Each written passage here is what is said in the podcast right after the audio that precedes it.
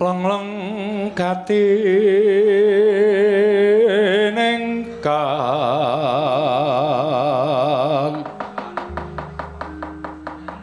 Awan sapa Nikeng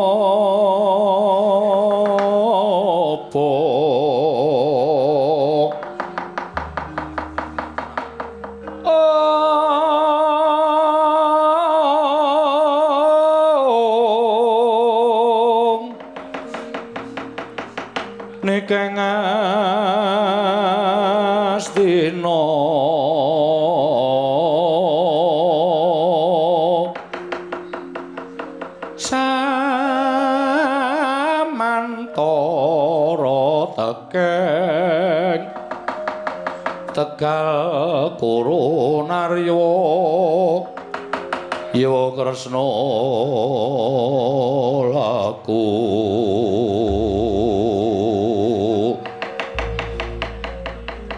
Sireng Prasurama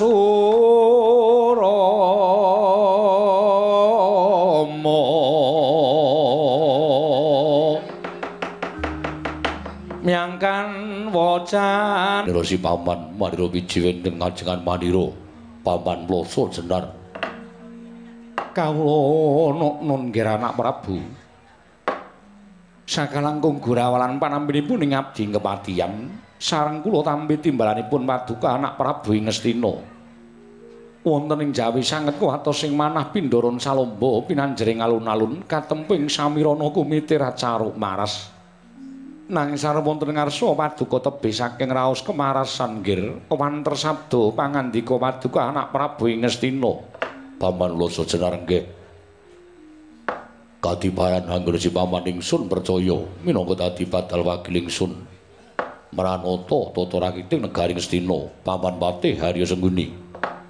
Nyawa-nyawa jimat kula, anak Prabu sesemban kula.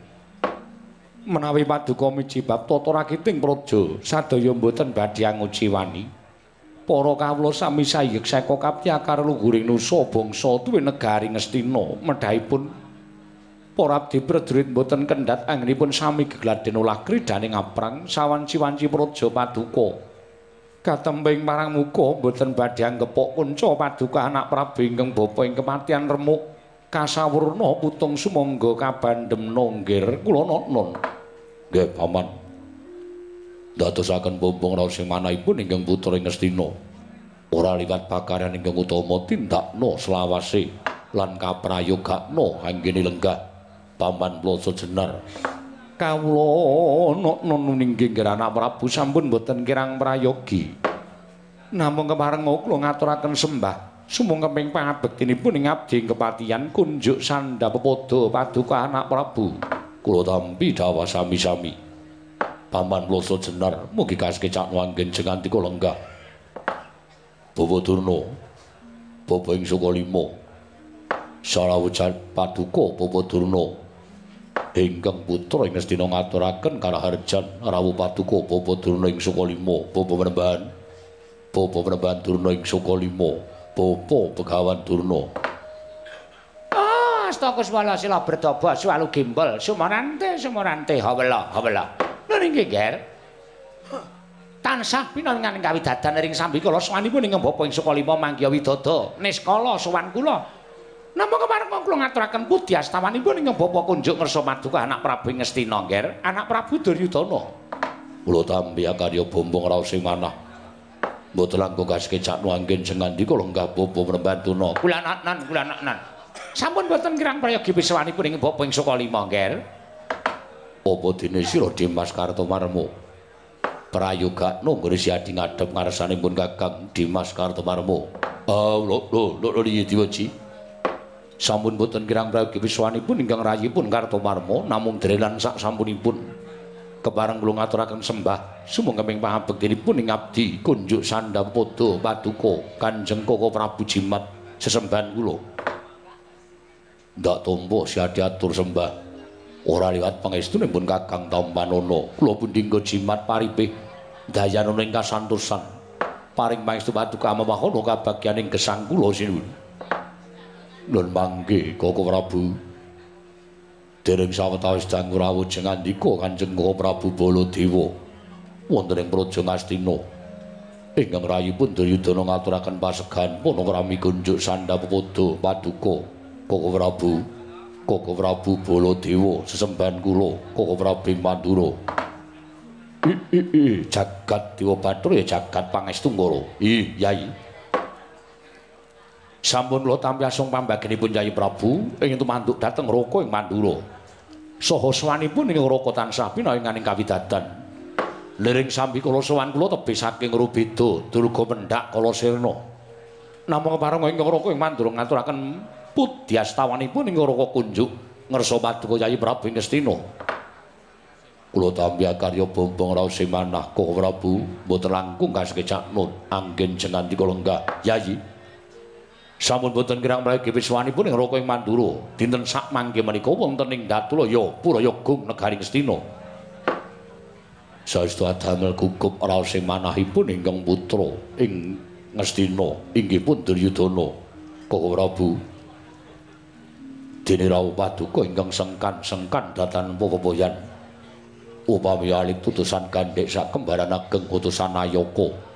Kula nedya ngarake tata upacara ning kaprajan tondo bektinipun kadang taruna tumraping kadang werda Koko Prabu Baladewa.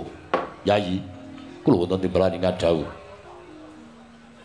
Radi ganjil sabdanipun Yayi Prabu Ngastina. Sasamunipun ing Raka ing Mandura tampi timbalanipun Paduka Yayi Prabu paring dawuh bilih sawanipun ing Raka ing Mandura sengkan-sengkan ingkang datan pepoyan. Nyuwun pangapunten. Dinten sak mangke menika dinten sampun katetepaken lumantar nawala ingkang sampun kula tampi. Sasampunipun ing raka nyurasa tulis ing mapan wonten sak lebeting nawala bilih kelenggan sak mangke ingkang raka tinimbalan sowan wonten negari Ngastina. Mboten ateges kula menika nyupekaken dhateng paduka Jaya Prabu menika babar pisan mboten namung miturut nawala ingkang sampun kula tampi dinten sak mangke menika dinten ingkang raka tinimbalan sowan wonten negari Ngastina. Malah mboten nama ingkang raka sowan ingkang datan pepoyan estunipun malah kula badhe cumadung dawuh. Wonten wigatos menapa dening Paduka Yayi Prabu? Nimbali dhateng sowanipun ing raka ing Mandura. Kaselak lan kumaca lunata ing raos daya-daya kula mangertosi wigatos sing pasewakan tuwin pirembagan padaning Datulaya ngantos kadhi kula gelak lampah kula daya-daya prapting ing kajangka. Yayi gandeng samangke sampun keparang ingkang raka sowan wonten negari Ngastina tumunten kula nedya nganglungaken jangga elingaken karna mastuti sabda tama paduka Yayi Prabu badhe wonten dawuh menapa? Menapa dene badhe wonten kewajiban menapa ing badhe kaparingaken dhateng Raka ing Mandura?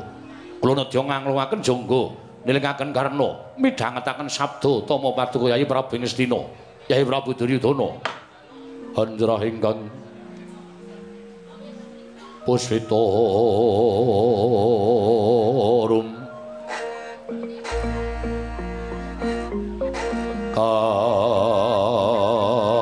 kasliring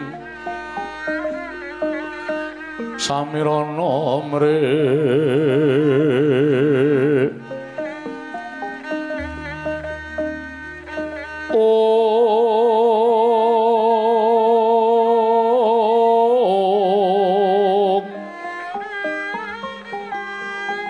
sekar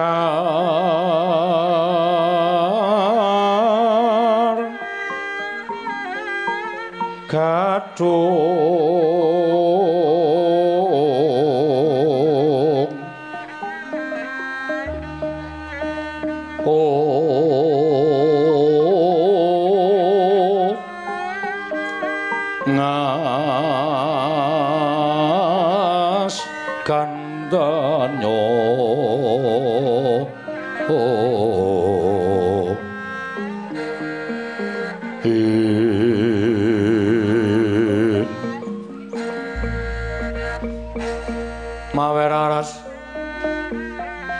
renaning driya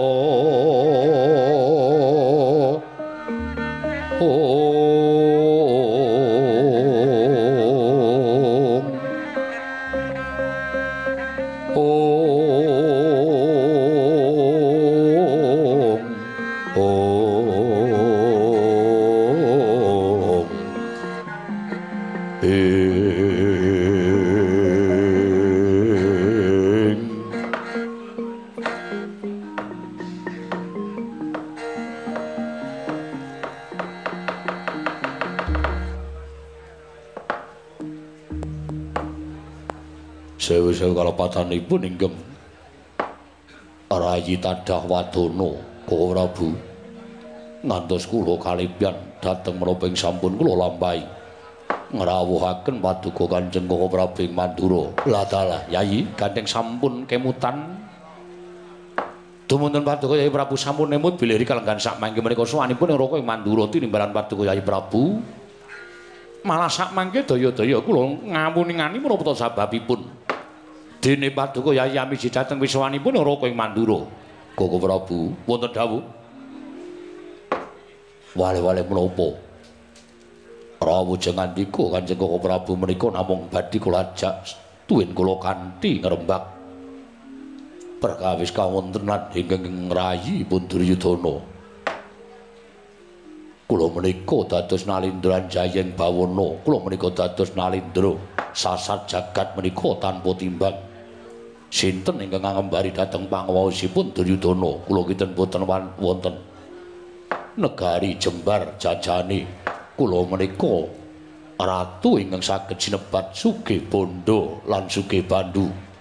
Sugih Bondo tegese kula menika ngukup Brana Pijes Sugih Bandu kula menika nalindra ingkang abebala raja Mila boten aneh menawi jagat menika ngantos kebrebegen kalian ngumandangipun ingkang rayi Ngastina Punduryudana. Namung ewa semanten kamukten derajat pangkat lan kadonyan ingkang sinanding dening Punduryudana. Menika mboten andadosaken tentrem lahir lan batos kula. Kenging menapa kula saged matur mekaten nadyan lahir kula menika ayem nadyan lair kula menika dados nalindra. Tuwin kula menika nggadahi kesugihan ingkang seprapat jagat imbanipun. Nanging jebul pinanggihipun kabagyaning lair menika mboten tentu ngraosaken kabagyaning batin. Lair kula tentrem lair kula kebak kabagyan nanging batin kula durga ngongsongso. Ati kula tansah nggadahi raos was kuwatir lan sumelang Nyuwun pangapunten. Menawi wonten miyos sing pangandika paduka ing mekaten menika kala wau menawi dipun keparengaken menapa to sababipun? Jernyatanipun samukawis sing mboten kekirangan sumanding paduka Yayi Prabu Ngastina. Ewa semanten. Wanter sabdanipun Yayi Prabu bilih paring dawuh mboten nate ngraosaken kabagyaning batos penggali panjenengan Yayi Prabu tansah gadhahi raos kuwatir durga ngongsongso menika ingkang dados sabab menapa menawi keparang ingkang raka nedya cumadung dawuh Koko Prabu sak jagat rat pramudita. Menika mboten wonten ingkang damel. Kuwatir raos sing manah kula kejawi namung kadang-kadang kula piyambak. Mboten sanes kadang-kadang kula para Pandhawa. Para Pandhawa ingkang dadosaken manah kula mboten tentrem. Pandhawa ingkang dadosaken manah kula mboten ayem. Tuwin mboten jenjem Mila sedaya sampun mestani yen to Pandhawa menika sederek kula nanging tumrap kula. Pandhawa menika satru mungking cangklakan. Boten lega menawi sing manah kula menawi dereng nyawang Pandhawa ngatang-ngatang dadi batang. Mila madaning pasewakan menika Kanjeng Koko Prabu kula kanthi rawuh wonten negari Ngastina. Namung badhe kula suwuniga pertikel kados pundi sepados manah kula menika ayem kanthi sarana kula nyumurupi pejahing para Pandhawa menika dadosaken manah kula ayem jagat Dewa Bathara jagat Pangestu Wela dalah nuwun sewu Yai. Nuwun sewu ing ngageng pangapunten Paduka Yai Prabu Tumapin ngroko ing Mandura. Menawi Yai Prabu paring dawuh nimbali sawanipun ing ngroko ing Mandura. Kadhawan sawan wonten negari Ngastina menika namung badhe kakanthi supados sak mangke Yai Prabu ngrembak perkawis para Pandhawa. Agengipun ngrembak pejahing para Pandhawa. Nyuwun pangapunten.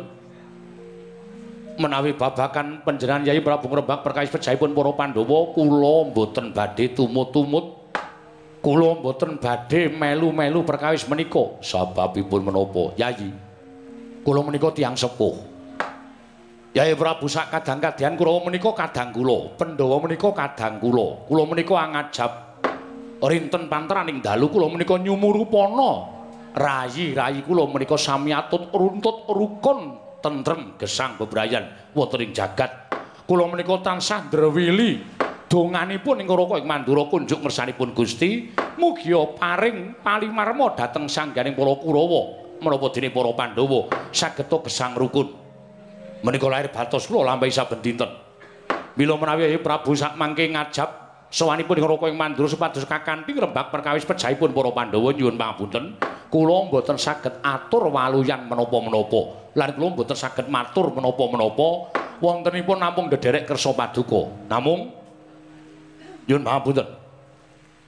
Jejeripun Baladewa menika wong tuwa. Wong tuwa menika tembungipun metu-metu wis nggawa rembugan ya sing apik yen rembugan ya sarwa sing bener aja nganti gawe kapitunah ning liyan saenipun perkawis ngrembak pejahipun para Pandhawa dipun cupet semanten kemawon. Dipun cupet semanten kemawon. Yayi. Pandhawa menika tasih kadang panjenengan piyambak. Pandhawa menika tasih kadangipun Yayi Prabu Duryudana sami-sami turas begawan wiyasa ing Saptawarga. Menika tasih tunggil kulit adaging kalian sangganing para Sata Kurawa. Lajeng kula nuwun sewu. menawi ayu Prabu menika saged kasempatan mejahi para Pandhawa menika nuwun sewu. Ingkang dipun kukup menapanipun. Kula badhe nyuwun priksa menawi ayu Prabu saged mejahi para Pandhawa menika ngukup kemenangan menika lajeng kabagyaning batos paduka Yai Prabu menika ngraosaken menapa? Wonten ingkang kula raosaken. Kula legah dampar ke Prabu Negaring Stina menika mboten badhe wonten ingkang angucik mboten badhe wonten ingkang bebeda kula lenggah dampar negari Ngastina Ngastina dadi kukupane Duryudana. Kamukten Ngastina badhe runtu murun dhateng turus turasipun Duryudana. Dados perkawis saking paduka gedeng kalian para Pandhawa menika namung rembah babagan kamukten negari Ngastina nggih kasinggan mekaten yayi Ngastina menika jembaripun sak yojana persagi. Ngastina menika mboten wonten ingkang nandingi ya jajane ya jembare negara menika sedaya sami ngakeni negari sak jagat menika mboten wonten ingkang timbang sak traju sak bobot kaliyan negari. Ngastina upami Ngastina menika dipun palih dados kalih. Ing sepalih kinarya mukti Yai Prabu sak kadang kadean ingkang sepalih kinarya mukti para kadang-kadang paduka para Pandhawa menika mangke badhe pikantuk katentreman. Tegesipun Pandhawa badhe nampi paduka Yai Prabu badhe nampi ing mekasan Pandhawa lan Kurawa sami-sami mukti awibawa Nyakrawati wonten negari Ngastina mboten badhe wonten dardah tumrap turasing begawan wiyasa menika menawi kula ikhlas. Menika menawi kula lila. Nyatanipun aja kok separuh. Nadyan sakpro sekawan aja kok sakpro papat sakpro wolu sakpro 16 sakpro 32 sedumuk bathuk senyari bumi Pandhawa isa ngejeki negara Ngastina lamun wis gumlundung mestakane Duryudana. Mila menawi paduka Kanjeng Koko Prabu paring dawuh supados sak mangke kula mukti sesarengan wonten negari Ngastina Pandhawa sepalih Kurawa sepalih mriku boten badhe wonten paripurnanipun. Lan boten badhe wonten kerampunganipun sabab kula mboten badhe ikhlas nyaosaken negaring Stina dhateng kadang-kadang kula para Pandhawa. Menawi tela mekaten ateges Yai Prabu menika cukeng. Yai Prabu Duryudana cukeng kekahi negaring Stina, mongko sak mangke tan wande Pandhawa adreng. Ing antawisipun cukeng kalian adreng menika mangke wonten pundi purukipun kejawi amung dados daredah. Menawi ngantos daredah sami-sami turas begawan wiyasa sami ponco bakah rebat kamukten nuwun sewu yayi mboten perkawis menang lan kalahe menika sinten menika mboten perkara menika. Namung kados menapa raosanipun? Para-para tiyang kang mboten remen dhateng Kurawa lan Pandhawa sami ngraosi padha-padha turasing begawan wiyasa putune begawan wiyasa ing satuwarga padha regejekan namung rebat kamukten negari Ngastina padha regejekan namung rebut derajat lan pangkat menika menapa mboten nami ngeling semi nggih jawabira tri menggali. Menika menapa mboten nami ngeling semi nuwun sewu nggih kepareng abdi kepatihan sumelatur paman haryo atus pundi? Pirembagan madyaning masewakan menika sareng kula petang-petang duwin kula taliti jebul lerekipun namung anggen paduka kuwatir sarta sumelang menawi sak mangke mangsa-mangsa Pandhawa menika badhe ngucik ke Prabu Ningestina kasinggan mekaten. Mila angkah kula. Pandhawa aja nganti urip kesuwen ana ing alam padang. Pandhawa kudu dicepet umure. Pandhawa kudu mati. Sadurunge tumapak perang gedhe Bratayuda menawi kelamban mekaten. Nuwun sewu. Tanwandi ingkang putra ing Ngastina anggenipun lenggah dampar badhe ngraosaken kabagyaning lair tuwin batos kula mboten wonten ingkang ngucik ke Prabu Ngastina nuwun sewu. Menawi jenengan dika anak Prabu menika badhe mejahi para Pandhawa monggo nyatanipun jenengan dika anak Prabu menika sampun wungsal wangsul damel karti sampeka pejahing para Pandhawa kaliyan ingkang bapa ing kepatihan sepisan kemawon dereng wonten ingkang saged kasembadan. Contonipun nalika Bratasena dipun racun dipun lebetaken wonten ing Sumarupas pengangkah Bratasena pejah. Nanging nyatanipun ugi mboten pejah malah Bratasena pikantuk wahyu tirta rasa kundha menika sepisan angka kalih nalika Bratasena dipun loropaken wonten ing wana Marta supados babat wana Marta wana Marta papaning jim setan priprayangan supados Bratasena pejah. Ewadene ora mati ning malah mukti wonten malih panunggalanipun nalika dipun dawuh pados ngupaya tirta pawitra mahning suci. Minggah gunung Candramuka wonten ing wana Tikbrasara sinten ingkang wantun mlebet wana Tikbrasara mboten wonten. Ning nyatane Bratasena pikantuk kayugung susu ingkang entuwen tirta pawitra mahning suci. Wong salwangsul kula lan panjenengan damel karti sampeka pejahing para Pandhawa. Malah langkung-langkung menawi panjenengan kemutan duk nalika wonten lampahan bale sigala-gala wonten ing kitha Pramanakati wonten ing Waranawata. Menawi dipun nalar cara kamanungsan Pandhawa temtu pejah awit kobong wonten telenging bale Palerman.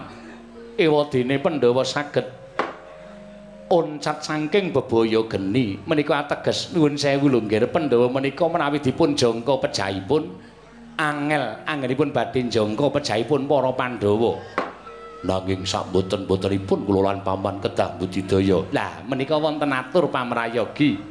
Pamrayogi kados pundi? Sak menika ngaten. Pandhawa menika wiwit alit dipun suwitakaken kalian Begawan Durna. Monggo saking petangan kula anggenipun srawung kalian Kakang Durna menika Pandhawa sampun tetaunan, malah sedaya sami ngertos nek Pandhawa menika siswaning Begawan Durna.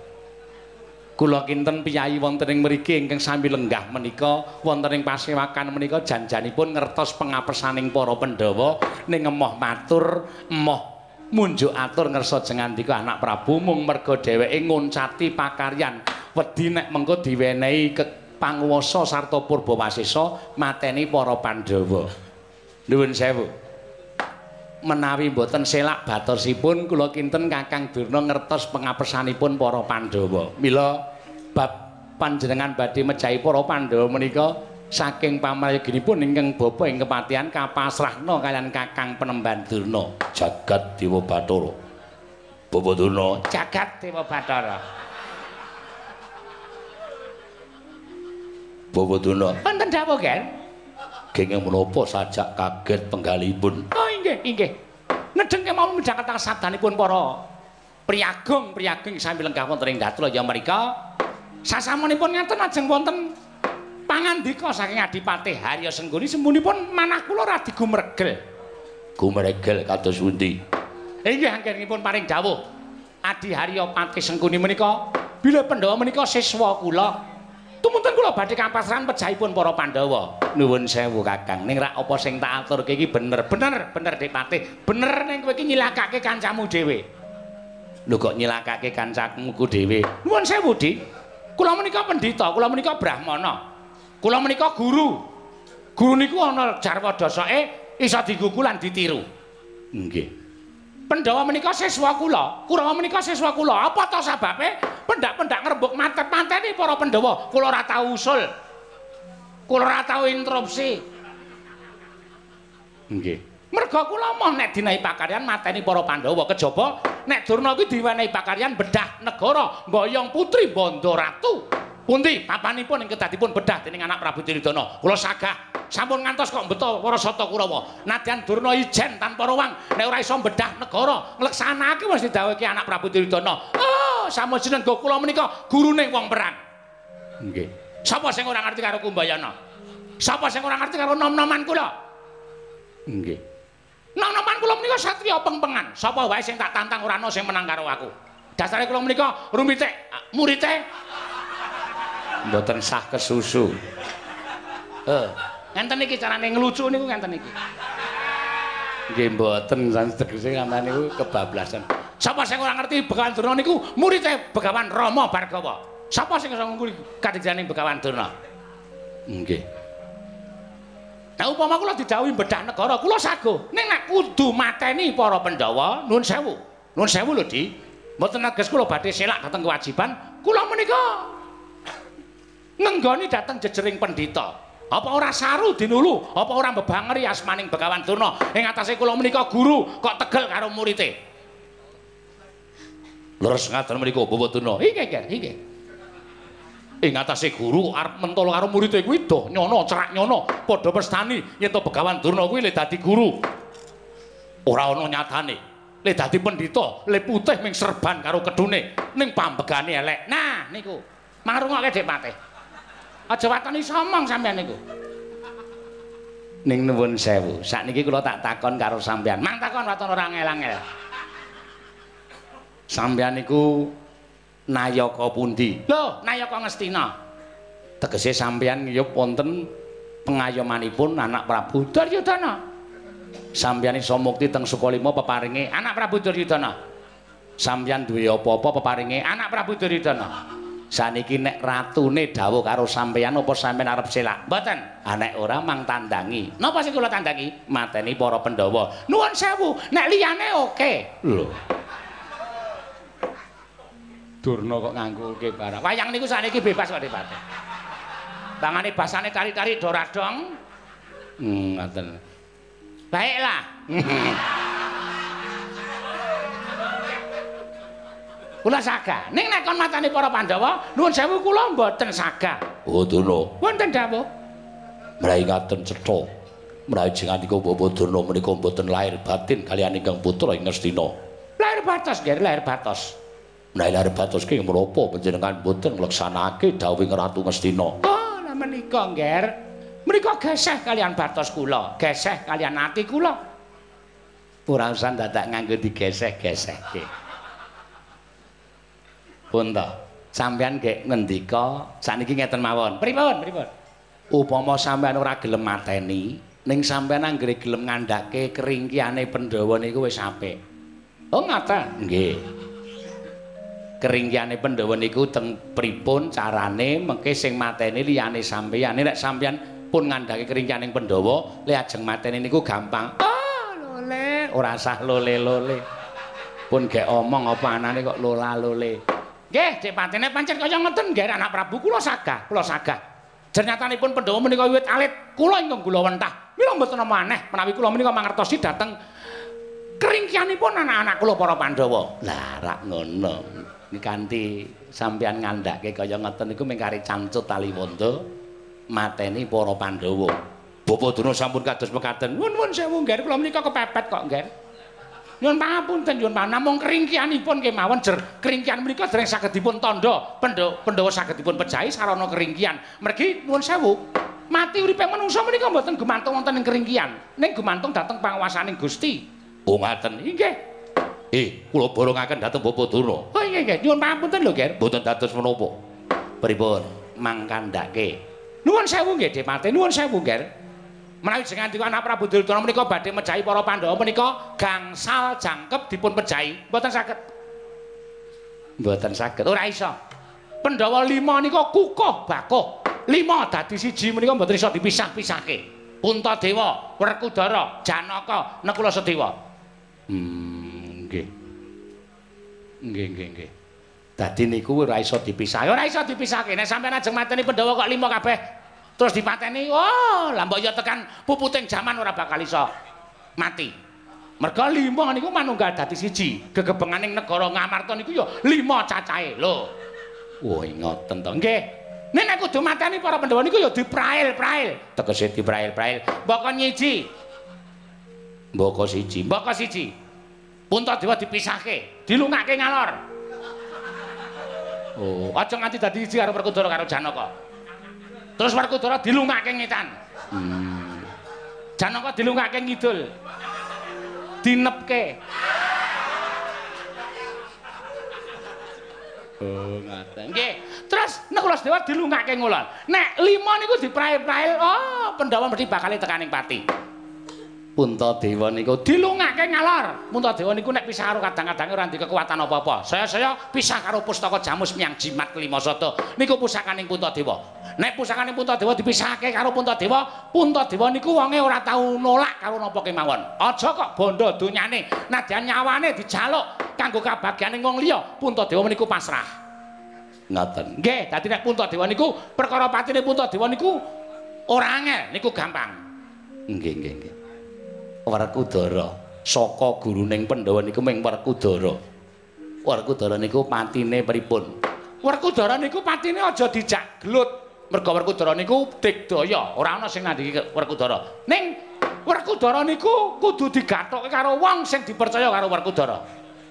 Werkudara niku wedine siji karo wong tuane, loro karo gurune. Nganti kula niku dianggep bapakne Werkudara merga Werkudara le tuwajuh kalih Begawan Durna. Nggih. Saman kelingan to? Werkudara takon njegur segara? Nggih. Ya manut. Niku sing dawuh sapa? Nek ora kura Werkudara ora bakal gelem. Nek gandeng sing dawuh niku Begawan Durna sing wis dianggep bapakne, mula Werkudara gelem. Takon njegur segara golek tirta pawitra mahning suci. Nggih. Dadi Werkudara niku wedine karo wong sing dianggep tuwa, wong sing dituwake karo Werkudara. Harap Werkudara niku duwe kasekten sing tumpuk undung nganti sak gunung. Ning nek karo wong tuwa, karo sing dipercaya karo si Werkudara, Werkudara niku ora bakal wani. Eh eh eh eh eh. Ora eh eh eh. eh. Niki tenane. Nggih, nggih. Terus Janaka. Nah, Janaka.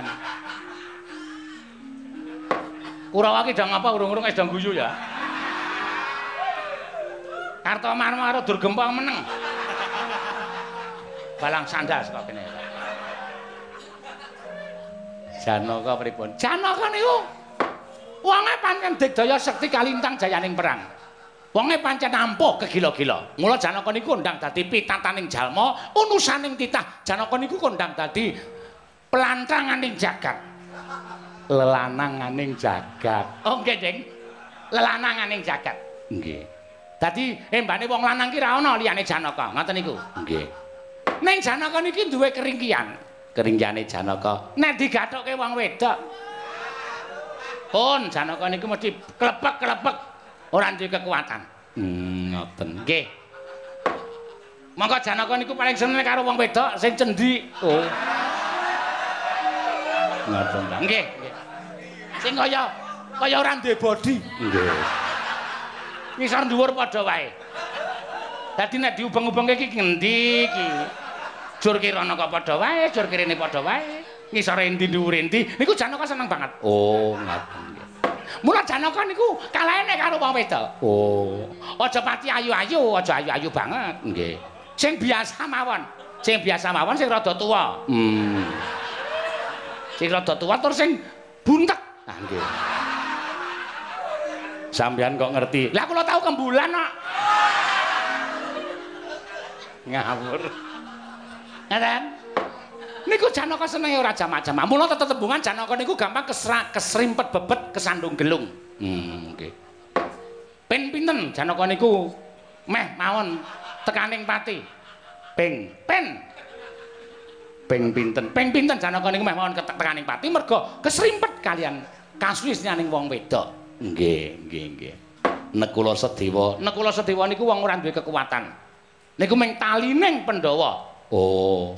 Niku bocah kembar niku ibaratnya kaya dene wong sing ngandhake nek wong kembar niku raga loro nyawa siji. Hmm, nggih. Raga loro nyawa siji. Patine pun tok anu Nekula Sedewa ya kudu bareng. Kudu dipateni bareng. Didu kumba. Kumba karna. Nggih. Sirahe didu nek pecah kabeh mesti tekaning pati. Wah, Lah kok sampean pinter. Nuwun sewu lho, Dipati. Kula ngaturke napa kula kula ngerteni bab Pandhawa. Ning nuwun sewu lho, Nger. Mejahipun Pandhawa ingkang mekaten menika kula wau sareng kula aturaken bab keringkianipun. Menawi petanganipun ingkang Bapa ing Saka Lima menika dereng paripurna sebab upami Pandhawa pecah menika nuwun sewu lancur-lancur Pandhawa anak-anak Pandhawa ugi tasih seger tasih gesang. Mila menawi mejahi para Pandhawa supados panjenenganipun anak Prabu menika saged gayuh kabagyaning batin ugi kedah mejahi anak-anak Pandhawa babar pisan Bapak Durna. Kula blabaraken keringkianipun putra-putra Pandhawa menika. Mapan wonten ing pundi? Lah sisan. Kakang Durna. Keringkiane anak-anak Pandhawa kuwi mapan ning pundi? Ah nek kuwi aku ora ngerti. Kok ora ngerti? Dereng ngonten anak Pandhawa sing suwita kalih kula. Sedaya do maido. Pun kula kai formulir ya ora tau diisi. Ora gelem dadi siswaning Begawan Durna. Sajae wis duwe Napa niku jenenge? Guru dhewe-dhewe. Dadi ora ana anak Pandhawa sing suwita karo Begawan Durna. Abimanyu ya ora, Janok anu Gatotkaca ya ora, Antarja ya ora. Luwih-luwih Antasena nika nek liwat ngarep kula malah bandem omah kula. Antasane pancen kurang ajar. Kula sek mulang barang terus jukuki kerakal dibandemi. Mengke nek kula metu saking kelas mlayu njrantal. Antasena. Antasena niku pancen keparat Bu siji niku. Nggih. Ayo anak ndugalku arisan. Anak ndugalku arisan. Nggih. Lajeng sak mangke saenipun kados pundi? Paman Haryo. Ngaten mawon nggih. Panjenengan menika nggadahi pangwaos tumrap negari Ngastina wenang murba lan masesa ingeng wenang jenenge bur kamuntenanipun para nayaka negari Ngastina menika panjenenganipun nak Prabu Ngastina sinten ingkang kapatah? Sak mangke sumados damel pejahing para Pandhawa. Miturut paman Hari Sengguni. Menawi cara kula lho. Menawi cara kula sing kudu nglakoni mateni Pandhawa ya sing ngapal bab keringkianing para Pandhawa. Dek! Dek Pate! Pripun? Samane ku ngomong kok wah jan becak ranggo pelek niki. Apa? Jeplak ranggo utek? Kula wis ngomong to Depate, ampun kula. Ah mboten, sampeyan nek ora iso mateni para Pandhawa, sampeyan nek ora gelem gawe Sarnapati ning para Pandhawa, nuwun sewu, dianggep kemawon nggih. Lair ceciklu wonten negaring Ngastina, ndedheple wonten negaring Ngastina. ning batin ngemuli karo para Pandhawa. Ketok loreke ketok gedhoane nggih Sigra-sigra yen permana kanca Sigra ngrakit nawang sesangka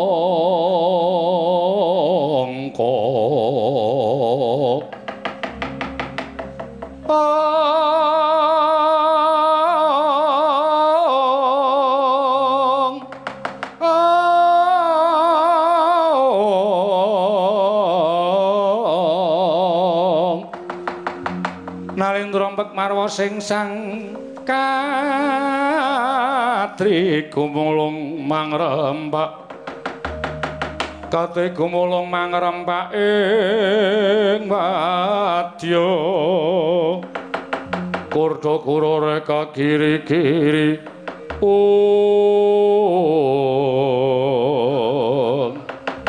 oh oh oh Bapa Prambahan Durna. Kula wonten maring adawu, Ger. Kula mboten etang-etang menapa panjenengan menika punden nyatanipun panjenengan tasih ya wonten ing sandhap pepadanipun Alendra Ngastina. Menapa ing sampun paduka ngendikaken samangke kula ngaturaken panuwun bilih samangke sampun wonten trontong-trontong sulaing pepadang manahipun ingkang putra Ngastina. Namung kula suwun menawi hamba bantu dhateng manahipun ingkang putra sampun ngantos ketanggungan kula suwun dipun babaraken sepisan kemawon kula nyuwun. Bapa durna saged damel srana pecahing para pandhawa. Kentas walu gembol manyar-manyar duk neng dungkul wana dadi alas-alas dadi wana oh inggih gari nggih inggih. Menawi sampun dados dawuh paduka jer kula saya ana tanpa guna namung nuwun sewu lho Ger mboten saking astanipun Begawan Durna anggenipun kula badhe mecahi para Pandhawa. Namung kula badhe ngaturaken putra seswa kula. Wah iki Ha iki apa? Senengane kok mentahke wong ngomong-ngomong. Kula niku ming mantepke sampean. Mantepke pripun? Merga bola-bali sampean gunake putra siswa niku ya ora kelakon. Dik mate, girilusi jalmotan kena kinira. Jagat menika owah gingsir. Saiki ora sesuk, sesuk dudu saiki. Tegesipun Wingi-wingi anak kula murid kalah kalih para Pandhawa ning sagedhakan niki ning nganti anak kula siswa menika mangke kalah karo para Pandhawa. Oh! Ampun nganti sampeyan ngakoni nek to Begawan Durna menika nujum negara Ngastina. niki omongan sampean dhewe. Bawa Durna kula triparing dawuh. Siswa kula saking negari Guwa Kerata. Inggih menika ing wujudipun yaksa ingkang namipun Dedya Kaladura Dahana. Anggenipun badhe kula semanaken semadukan anak Prabu Mugya samangke sagah damel srana pecahing para Pandhawa. Sampun kantos kandhek wonten ing pangandikan ing ketaka babar dados pakarti. Nun nggih, Ger, nun nggih. Ngestaken dawuh, Ger, kula taono. Aja suwe-suwe nggon mapan ana ing kono gila dikersakake sowan dening anak Prabu Duryudana bakal entuk gawe lan nampa kewajiban Ger anakku cah bagus.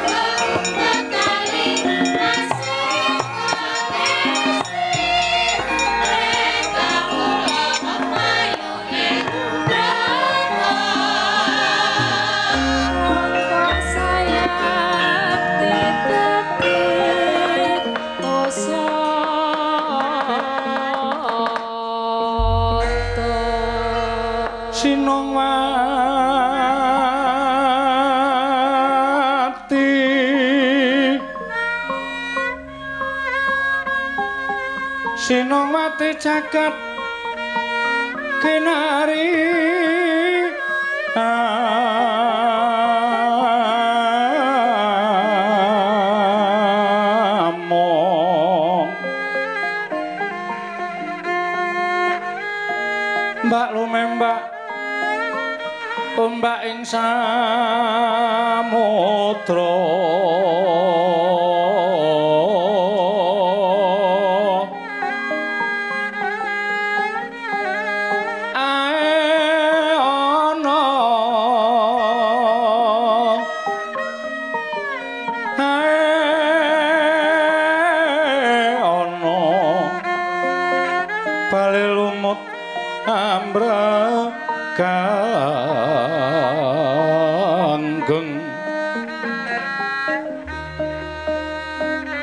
awita denceng dencengan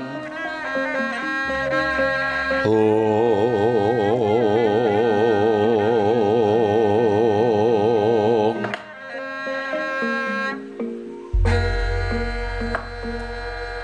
Bawa Durna. Bapa ing Sukalima. Kula wonten maring adawuh, Nger. Menapa menika siswa panjenengan Sanggen Garingguwa Kirata namipun Guru Tahana. Inggih. Menika anak kula, murid pun Guru Tahana. Nger, Guru Tahana. Wonten dawuh Bapa Penemban. Oh, bejo kemayangan. Denenggonmu tak kanthi sowan negara Ngastina iki mau. Ndak aturake marang anak Prabu Tiridana malah kowe entuk kanugrahan bakal nampa kewajiban saka anak Prabu Ngastina. Aja nganti lirwa ing sesanggeman ya, Ger. Niki ngestaken dawuh Bapa Penemban. Welah kok duwe murid wujud buta kaya ngono.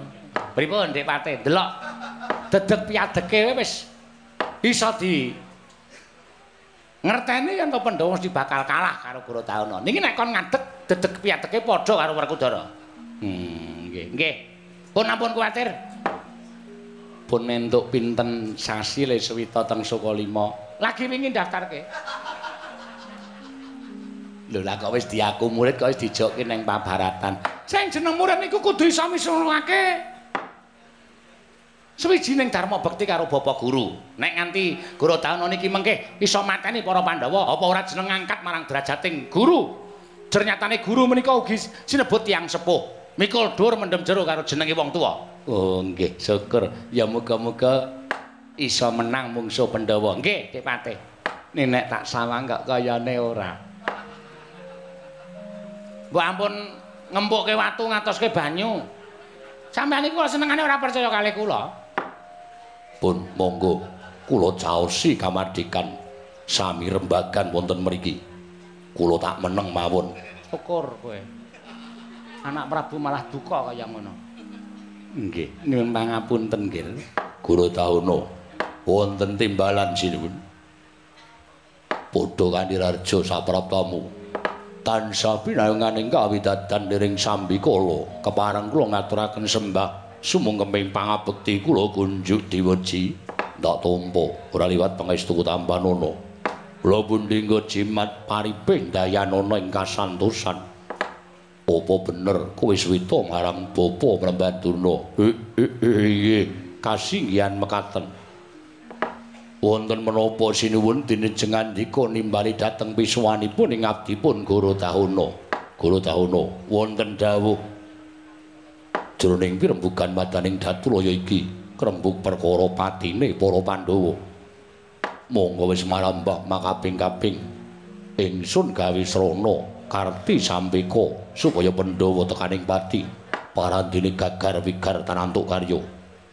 Mula wektu dina iki dawuhe Bapa Durna ngendikake yen to duwe murid anyar ingkang sanyata Dibya Surasekti Kalintang jayaning perang ingkang bakal diajokake ana ing pabaratan tegese duwe kewajiban kudu cilik bondo para Pandhawa gedhe kawipati ning Pandhawa. Apa kira-kira kowe sagu? Nuwun sewu sinuwun sagah dereng kinanten selak mbok menawi saged nanging gandeng menika dawuh paduka Gusti kula ingkang sinuwun. Ing abdipun Guru Tauna namung sendika ndederek kersa paduka Gusti kula sanata ing Ngastina. Yen to pancen kaya ngono aku ngaturake panuwun ingkang tanpa kepindhan inggih mboten dados menapa. Namung mugi andadosna ing kawuningan saderengipun menapa kepareng kula badhe munjuk atur. Kowe bakal matur apa? Nuwun sewu sinuwun. Kula sampun mangertos miturut pangandikanipun Bapa Guru kula, Bapa Durna. Pendak-pendak Gusti kula ing Ngastina ngawontenaken pasewakan boten wonten ingkang rinembag kejawi amung pejahipun para Pandhawa. Namung sabab menapa to jeng andika Gusti kula ingkang sinuwun menika boten nate kasembadan damel pejahing para Pandhawa. Boten berkawis Pandhawa menika digdaya menika babar pisan boten. Boten perkawis Pandhawa menika kinayoman dening dewa. Menika ugi boten. Namung wonten sababipun. Sababe apa? Sabab nuwun sewu. Panjenengan anggenipun paring pangandikan bab pejahipun para Pandhawa lan damel srana padine Pandhawa menika boten mawas tuwin boten ningali dhateng gelagat lan pasemon. Tegese piye? Nuwun sewu Ngastina menika ngibarate kados dene glugu ketelusuban wuyung. Ketingalipun membo-membo dados pengayomanipun negari Ngastina. Ketingalipun dados sesepuh negari Ngastina. Nanging nuwun sewu sinuwun, batosipun sumendhe dhateng para Pandhawa. Batosipun ngayomi dhateng para Pandhawa. Nadyan pendak dinten sowan dhateng negari Ngastina. Ngaku menawi dados pengayomanipun negari Ngastina nanging sejatosipun batosipun tansah mayungi dhateng para Pandhawa. Inggih tiyang menika ingkang dadal karti sampekanipun anak Prabu Ngastina wekasan pendak-pendak damel pejahing para Pandhawa mboten nate kasembatan. Mila menawi tiyang menika tasih lenggah wonten ing mriki nadyan kados menapa karti sambe kanggen paduka ginakaken boten badhe kasembadan damel pejahing para Pandhawa. Alit priyagung menika kedah kesah saking negari Ngastina agengipun sampun ngantos dipunaken menawi menika sesepuh negari Ngastina sinuwun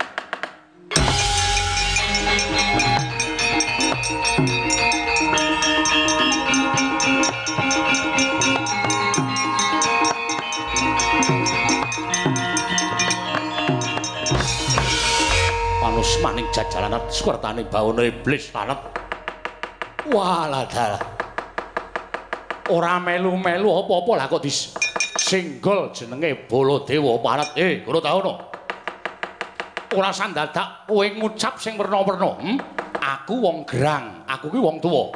Sing jeneng wong tuwa kaya Baladewa iki ora sandadak mbok rasani mbok balang liring waya aku wis kloso nanging ngucapmu ngenco mangdeleming ngandar-andar ngendukur kowe ngandhake yen to Ngastina kene ana glugu ketrusu banduyung. Ana wong kang dedeple ning negara Ngastina nanging batin ngayomi marang para Pandhawa. Aku tak takon karo kowe. Kowe siswaning Begawan Durna kowe mapan ning Ngastina lagi wingi sore lah kowe iso ngucap kaya ngono kuwi kowe pawitanmu apa? Dasarmu apa iblis? Hm? Pawitanmu apa? Dasarmu apa? Mokal kowe ora ngerti yo. Nata Mandura Prabu Baladewa iki lahir batin gone ngayomi marang para Sata Kurawa. Pendak-pendak aku dikanthi rembugan patine para Pandhawa pamrihku aja nganti kelakon. Merga Pandhawa kuwi adikku Kurawa kuwi adikku. Aku ki kadange tuwa pengen adi-adiku do rukun lah kok malah ana wujuding buta ing ngecomlang deleming. Kaya grojogan ucape nyalahke karo Baladewa hm yen manjen kowe arep ngluput marang Baladewa saiki ayo tak tanting regane atiku. Nek kowe iso ngandhake to Baladewa ki panjal maning musuh yen to batinku ku ngayomi marang para Pandhawa. Dasarmu apa? Lan apa wadanmu apa alasanmu apa kowe matura? Yen kowe ora iso kemecap apa kelakon ana wujuding buta kanggo keset dase nang kene. Ora tau ana. Semeniki nek omong ki diati-ati. Oh, kowe omong kaya ngono kuwi ora orane ngembet karo keslametane burumu Begawan Durna kok dikira aku ora ngandani karo kowe, dikira aku ki ora nuturi karo kowe. Ayo Gage, Wangsulan. Hm? Gage Wangsulan. Apa kira-kira Baladewa ki nek mamrih marang katentreman, mamrih karo kerukunan, kerukunane Pandhawa lan Kurawa kleru. Ya ngono apa piye? Apa kira-kira Baladewa ki nek kepengin nyawang adi-adiku do rukun aku kleru? Aku kleru ngono apa piye? Upama tok klerokke cetha yen kowe suwijining yaksa sing wis minger kiblatmu. Kowe ora ngerti marang karukunan, kowe ora ngerti marang katentreman sing tok oyak. Nggonmu kepengin entuk derajat pangkat sarana kowe ancek-ancek marang jenenge Nata Mandura Prabu Baladewa. Yen pancen kowe sago materi para Pandhawa, yen pancen kowe sago materi anak-anak Pandhawa gage tak sawang kowe ora iso materi Pandhawa ora iso mateni anak-anak Pandhawa tak goleki tak longgo nenggala cocotmu parat kowe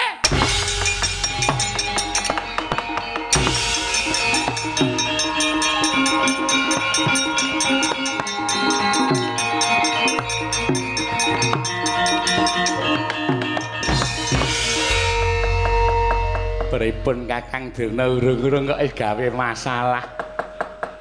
Ah, Gurodana ki pancen sok aneh-aneh kok senengane. Kowe iki tak dawuhi menawa supaya nampa timbalane anak Prabu Duryudana ki nek didhawuhi terus sendika ngono wae kok dadak ngrembug glugu barang. Glugu ngembleki cengalmu ki papiye? Mboten kula namung matur menapa wontenipun Bapa Meneban.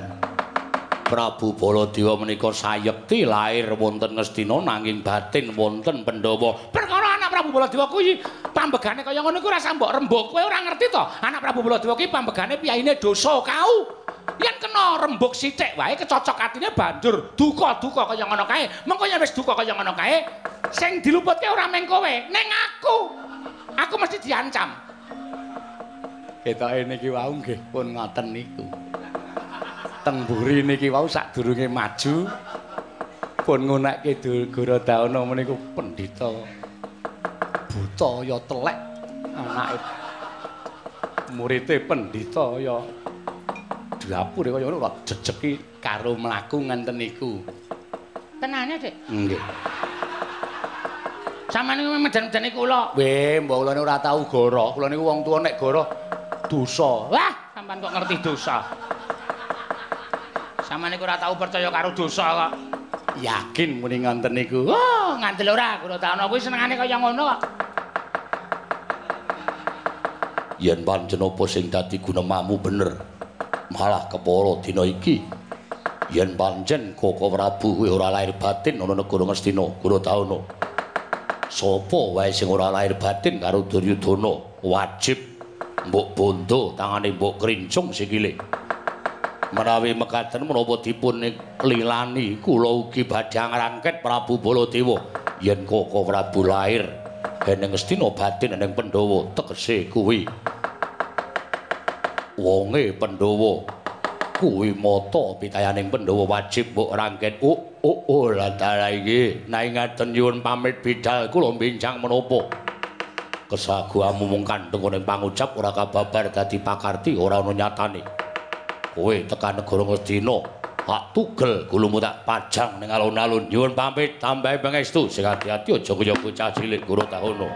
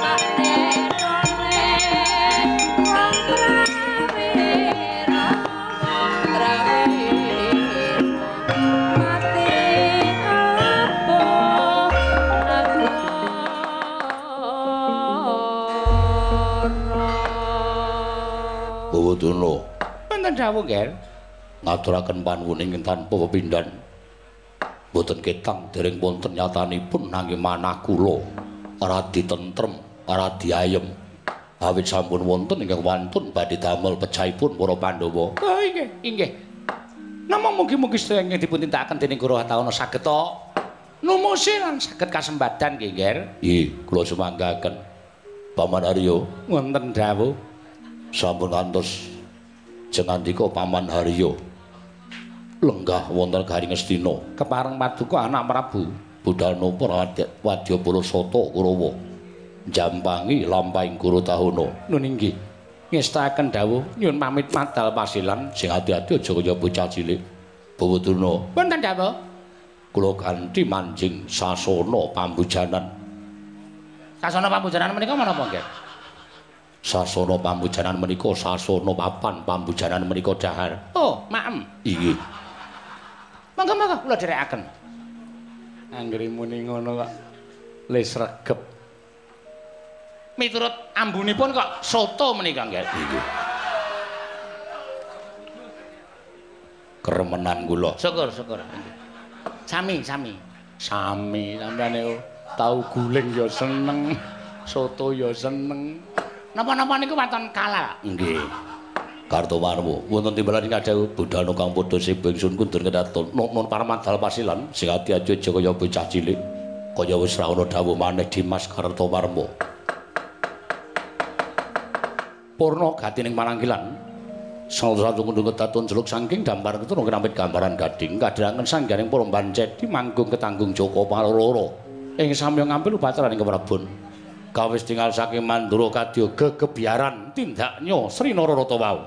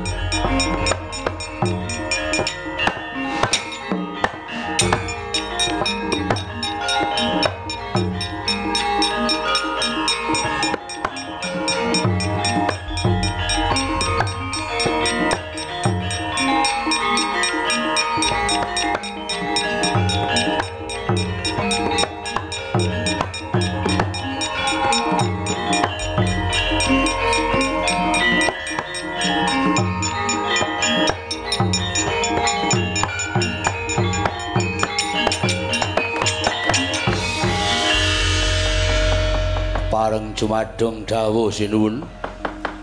Gusti kula Prabu Goro Tahana samangke ngawe sanganing Purwadya bala saking negari Guwa Kirata eh diwaji kula cemadung dawuh inggih diwaji kula cemadung dawuh eh diwaji kula cemadung dawuh. Yo kabeh ora tak wiji mboko siji. Dina samengko nggonku suwita marang Begawan Durna. Jebul abot reruba ingkang kudu tak sandhang. Nderekake sawaning Begawan Durna negara Ngastina jebul aku kudu sinampiran pagaryan mateni Pandhawa. Mejahi para Pandhawa mejahi para Pandhawa ya pancen mengkono.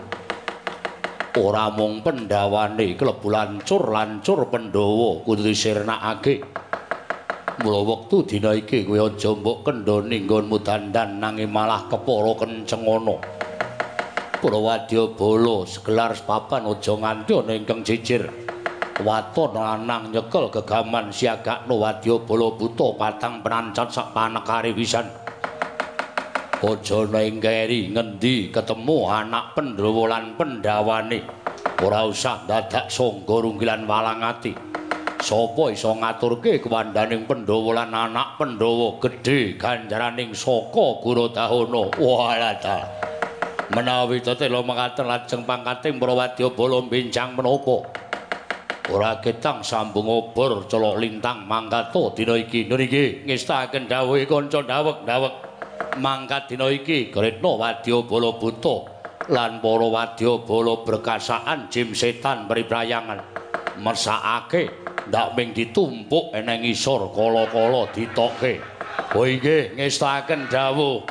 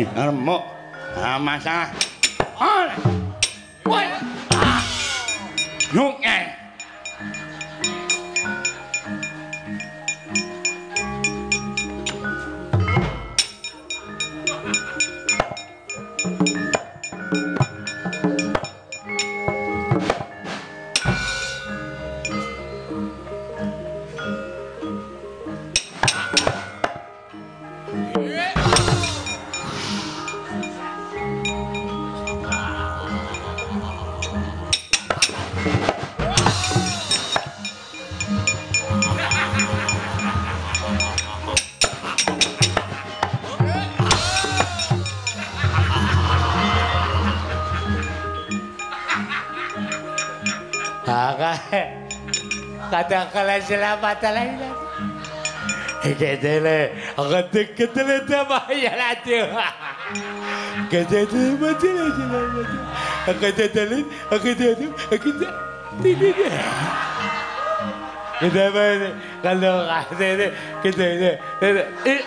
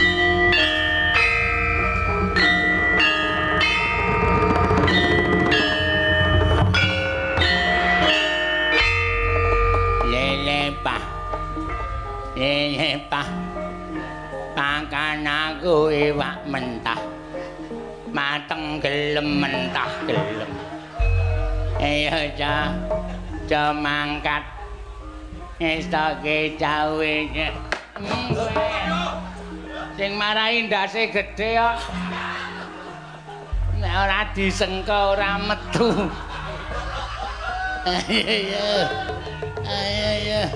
Ayo do mangkat. Ayo do mateni Pandhawa.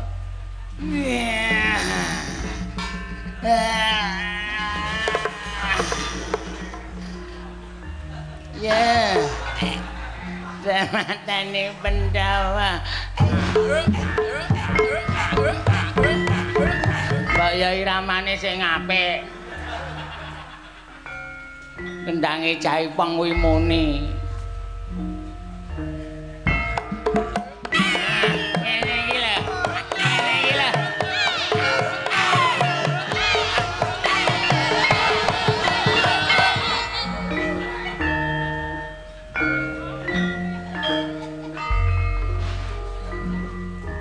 Mamati, ayo do nempang sindene ora gojek.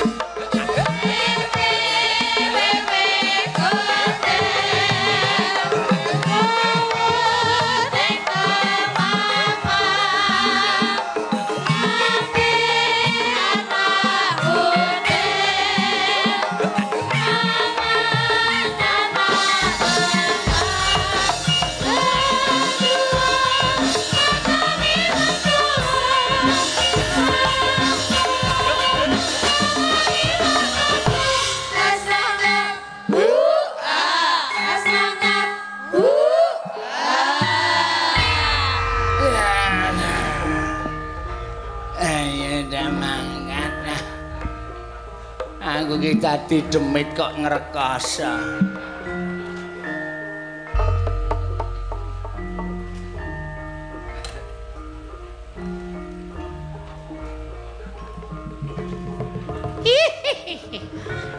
Iwi.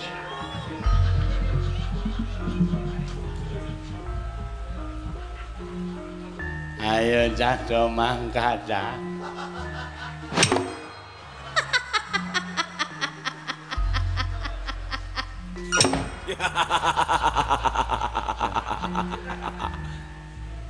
Sewengi nyambut gaene ming guyu tok.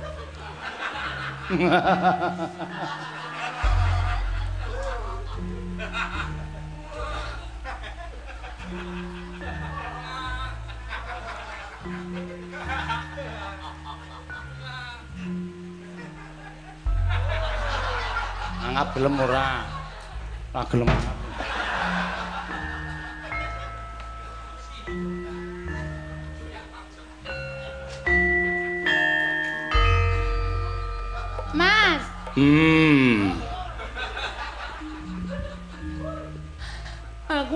sekali-sekali. Halo, kae dikeguyu kae. Ya ben ae jane ming arep ngeser aku ora kelakono, Mas. Sekali-sekali nderek ya, Mas. Nderek nenti. Mas nek tindak. Aku nderek. Mas aku nderek. Ora sok dobah-obahke ngono kuwi. Iki nek omong nek tok obah-obahke ngono kuwi iki. Iki piye coba ya? Ya wis biasa. Oh ya wis wis wis ora kurang nggon kula lan. Nek ora melu aku ki nang omah kesepian ora ono kancane. Hop. Ora obah-obah. Kaya ngono kuwi. Mas. Melu. Ora, Mas. tak mangkat sik. Mas. Ora. Mas. Melu to. Melu ora? Ya wis yo ora sida lunga. Kene wing dionokne ra sida lunga. Kok lunga? ah? Ora arep kengguh aku. Mas. Mas. Ora, Mas. ora. Ya wis tak tawake lho. Hus.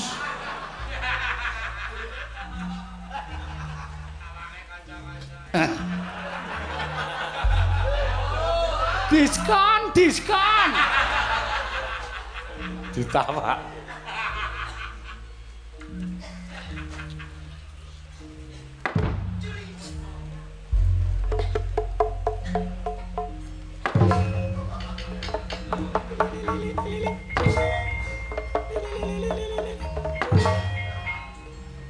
Ah, pocongan. Piye to kae iki? Padha-padha le pocongan kok wedi.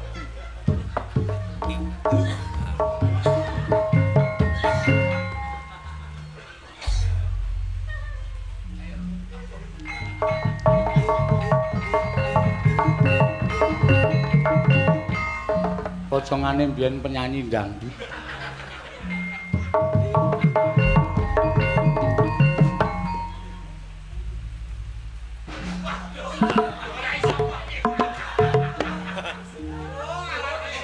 Halo, kae sing nyogoki bokong wis dhisik. Berarti aman ya, Pak? Aman. Ora ana sing nyagak bokong awake dhewe. Ra ono. Tur dasare bokongmu wis rusak. Wis ra kena digunakake. Asik. asik, asik, aman. Aman asik. Asik aman, Pak. Heeh. Besok dis keri wae ya, Pak. Ya, ya.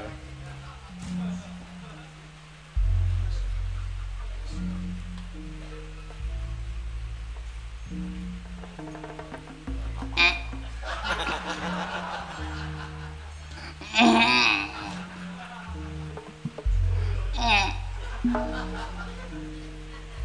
mbiyen mati, matine kena penyakit. Dadi nek pipis panas.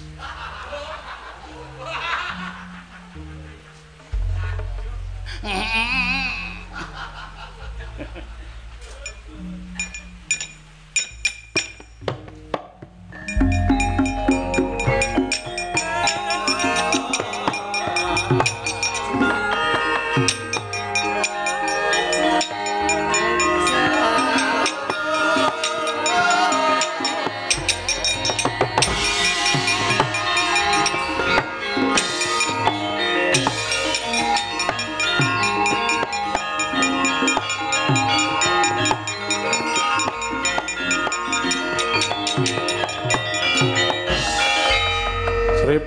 Dewa Narapati duwe nares. Duwe nares swara Kresna kalangkung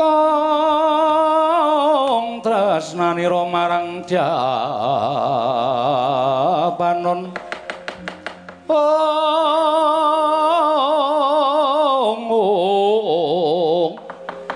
marang Jabanon Cinawi Oh, wah, gugu ngarepe dhewe. Niatku prapta negara Ngastina mau ngemban dawuh timbal Nggih Prabu Duryudana. Lah kok ora kanyono-nyono malah diajak ngrembug patine para Pandhawa. Waduh. Niatku mung kepengin tutur-tutur karo Yai Prabu Duryudana aja nganti keseluruh dalan sing kleru.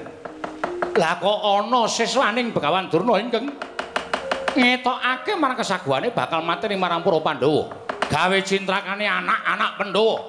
Yo, para dewa ora bakal mangku asta wisa lumung ngentasi perkara.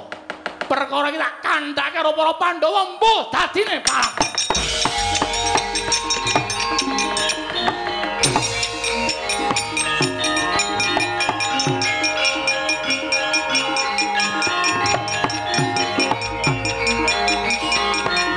Chandra ingkang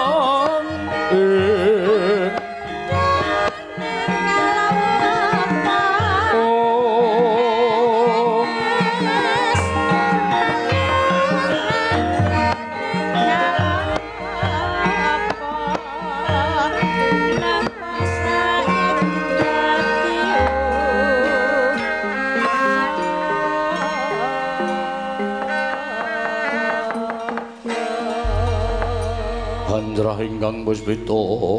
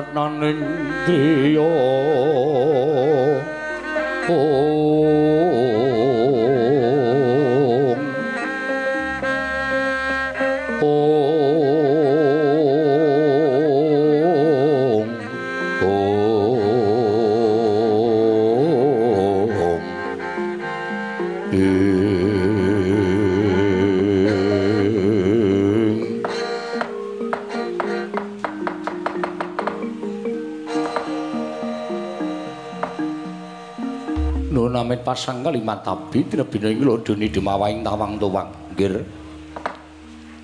Ingkang wa ing kendali sodo. Sajak semu kagyat raos sing manahipun ingkang wa krana ingkang sekawit kula badhe caos bulu bekti tuwin glondong pengareng-areng dhateng punden kula para Pandhawa. Nanging sareng dumugi wonten tampal wates negari Ngamarta lah kok menika para putra Pandhawa sami pacak baris teka mboten sami sowan ngersani pepunden Pandhawa menika wonten suraos ingkang kados pundi nggih? Siwanoman wonten timbalan. Apa Siwanomar ora kula pawarta adol pamireng. Bab menapa? Wasana sak sondre tunglungganing dina samengko iki. Para Pandhawa murca saka negara Ngamarta monggo ora ana baban ingkang mengondo ingkang semendhe banun kang tinumbuk Mula Gatotkaca lan para putra sayekti mung ngrundani negara Ngamarta aja nganti ana dom sumurbing banyu. Sarta aja nganti ana kemarujul saka sela-selaning garu.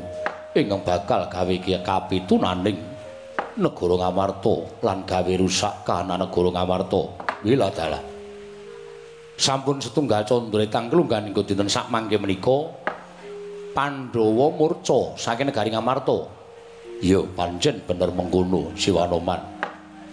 Malah tekane Siwa Anoman iki tumrap aku dadi trontong-trontong pepadang. Liripun kados pundi? Siwa Mayangkara kuwi brahmana. Mongko dadi pendhita ora ming setahun rong taun, wis suwe. Siwa Anoman kuwi nggone madheg brahmana ing Kendali Sada. Yen pendhita kuwi mesti awas paningale lan panggraitane. Lah saiki ngene wae, Po. Gandeng iki para putra padha bingung Pandhawa murca ninggal negara. Mongko ora ana ingkang mangerteni lenggahing para Pandhawa. Mula babakan para Pandhawa iki tak pasrahke marang Siwanoman.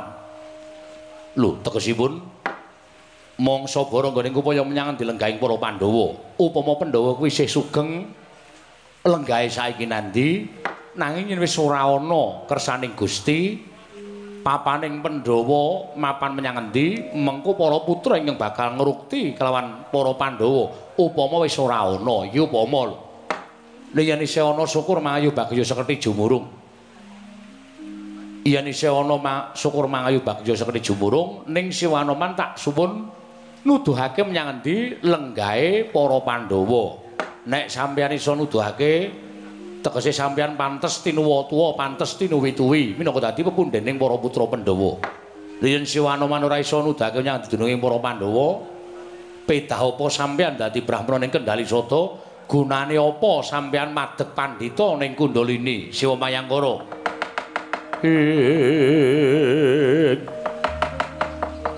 rekat lampahing rata tanpa ndara kapteng suku ning arga ram kang tumingal.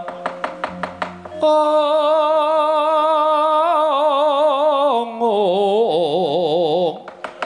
dendeng saengga praja pusekan kang pratangga. Oh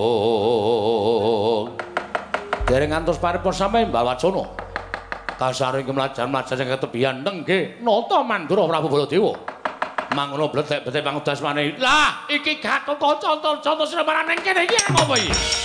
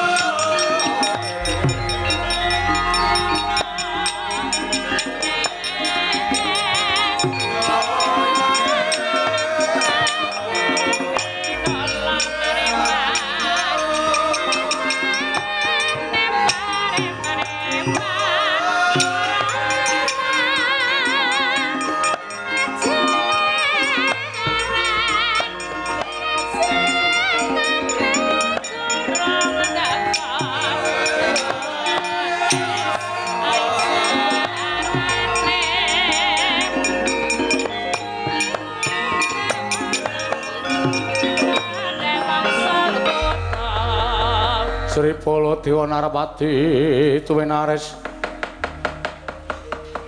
swara Kresna kalangkung tresnanira Oh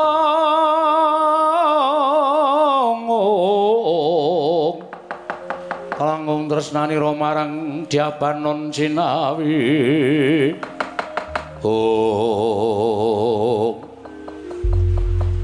kula ngaturaken sembah pangabekti kula kunjuk wa Prabu Mandura.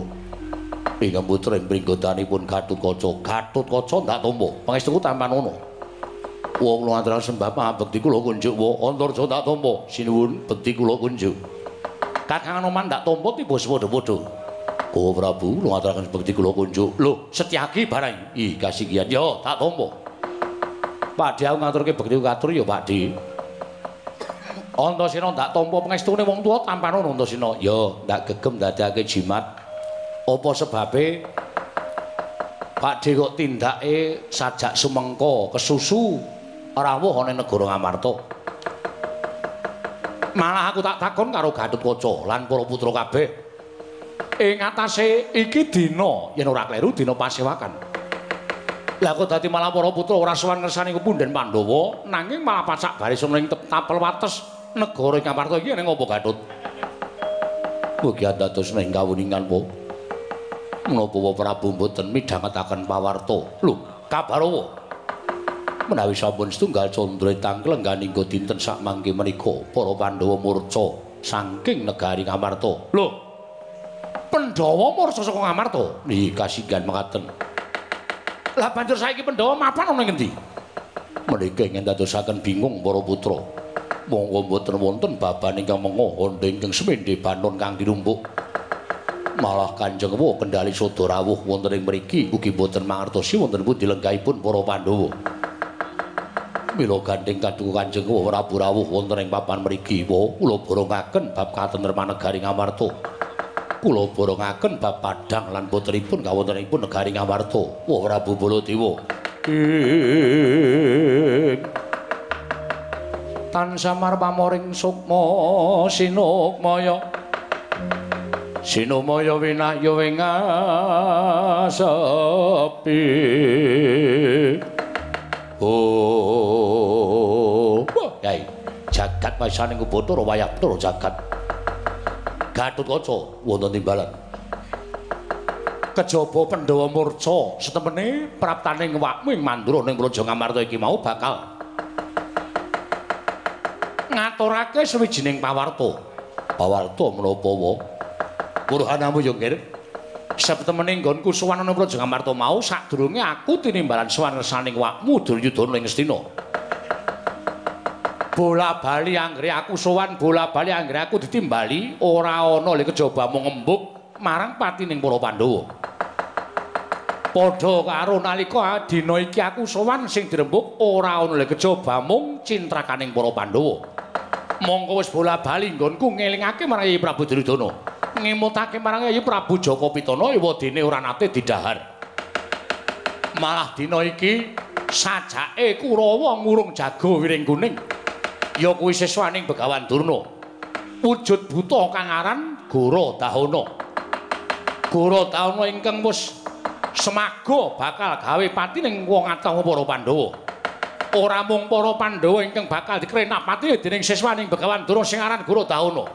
Ingkang wis ketapake wadya balane. Nadyan para putra Pandhawa uga semono uga ngger bakal dikrenah dijangka patine dening siswaning Begawan Durna. Ing Jaja muntap lir netap duka yayasinipe. Netra kocak mundarandir. Oh. Guru Dauna srayaning Wakdi Ngastina, Dik. Yo, ngono Antasena. Wis. Nek ngono cetha. Iki langing para Pandhawa mesti ana gandeng jenenge karo siswaning Begawan Durna sing jeneng Guru Dauna, Kang. Ora usah dadak wedi. Lan aja wedi kangelan dina iki Mak Cilik Setyaki, Siwanoman, Kakang Raja Kakang Turja, aku methuke marang si Guru Dauna. Yen pancen bener ngendikane Kanjeng Mandura, Kanjeng Baladewa, yen Guru Dauna bakal gawe pati ning para Pandhawa lan ngrenah marang pati ning para putra Pandhawa, kowe karo aku aja mung meneng wae lho, Kang. Iki dadi kewajibaning nom-noman negara Ngamarta. Iya, Dimas. Lah iki lho mekaten Kanjeng Prabu kula ngaturaken panuwun. Kanjeng Prabu kula aturi ngaso sawetawis lampahing Guru Dauna sak wadya bala kula ing badhe mapakaken. Kakang ana manjaba tegake lakune anak-anak Pandhawa lho ngislaken dawuh. Ndak sangonipun aja sesanti muga-muga lebda ing karya lanang juritmu Garut Kota lan kabeh anak-anak Pandhawa. Iki matur sembah Kula Prabu.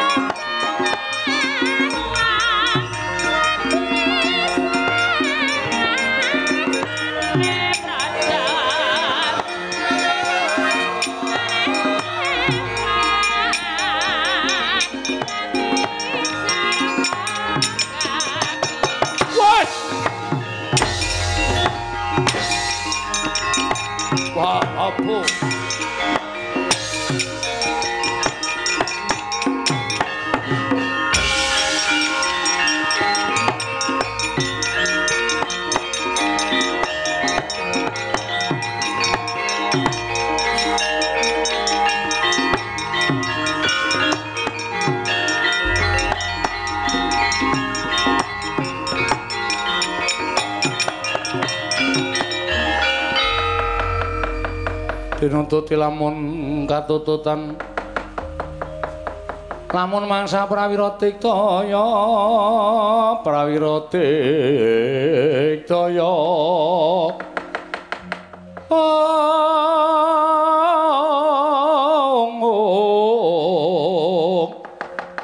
ora ngono magawe gelari wang-wang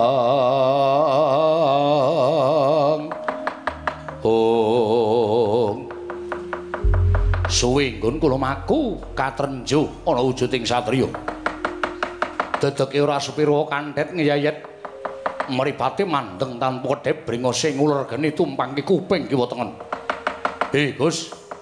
Kowe sapa? Wadya Balasaka Ndwarawati Senopati Ndwarawati Raden Setyaki kowe sapa? Takon karo aku keseting Sang Prabu Gorodahana. Kowe takon karo aku aku tumenggung Prawara Kendra, tumenggung Prawara Kendra dasar para nyata. Mlonjong botol akumu ngener ana ing negara Ngamarta duwe wigati apa? Wanter sabdaning Sira Prabu Gorodahana sapa wae prajurit ngguwa Kirata ingkang keduga lan bisa mbondo para Pandhawa utawa mbondo anak-anak Pandhawa gedene mateni salah sawijining Pandhawa bakal gedhe ganjarane. Mula ora sandadak melu-melu perkara iki wis mingira. Kowe dudu wong Amarta, kowe wong Ndarawati, dudu sanak, dudu kadang yen mati melu kelangan. Kowe wani ngrasani marang punden kepala Pandhawa. Kena kowe adu arep karo para Pandhawa iso nyempal bawa kiwa tengening Setyaki. Piye? Iso nyempal bayu kiwa tengening Setyaki. Ora mingkat sing arep kok tebak datang muni marganing patimu sing ngolena prapteng lalis Prawara Indra.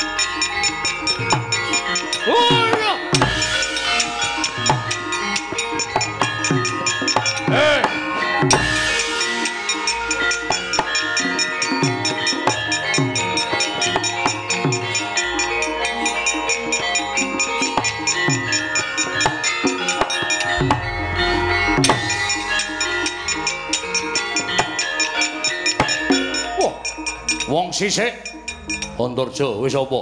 Sumbang Surajikja ora nyumbang ora apa-apa. Hai arep apa? Tugel gulumu karo kaki jajaran.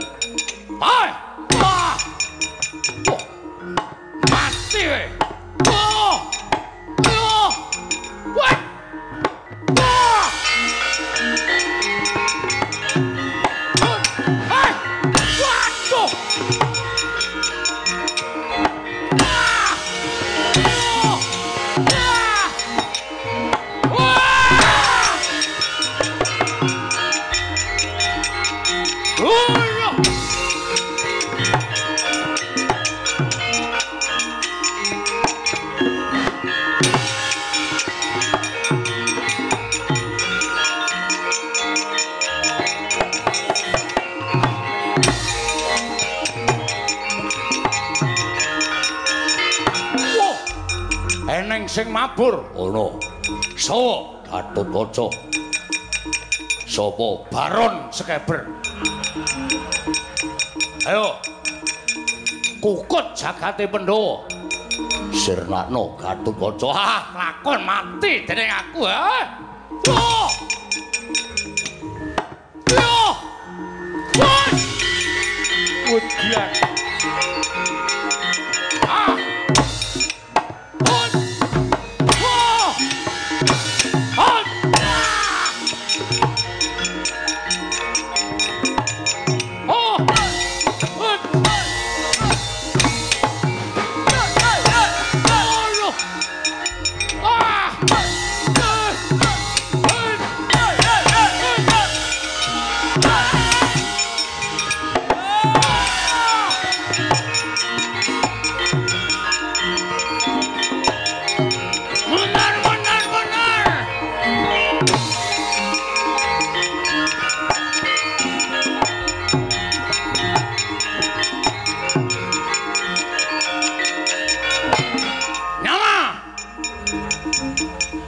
Antasena wis apa? Minek. Oh. Perjurit. Menyurit. Heeh, arep minek. Yo, kaya maning sing anyeng maning. Hmm, tutuk kayu nangka regereng nyutna. Menyah nyiramu. Ayo, nyo jajaran mati ya.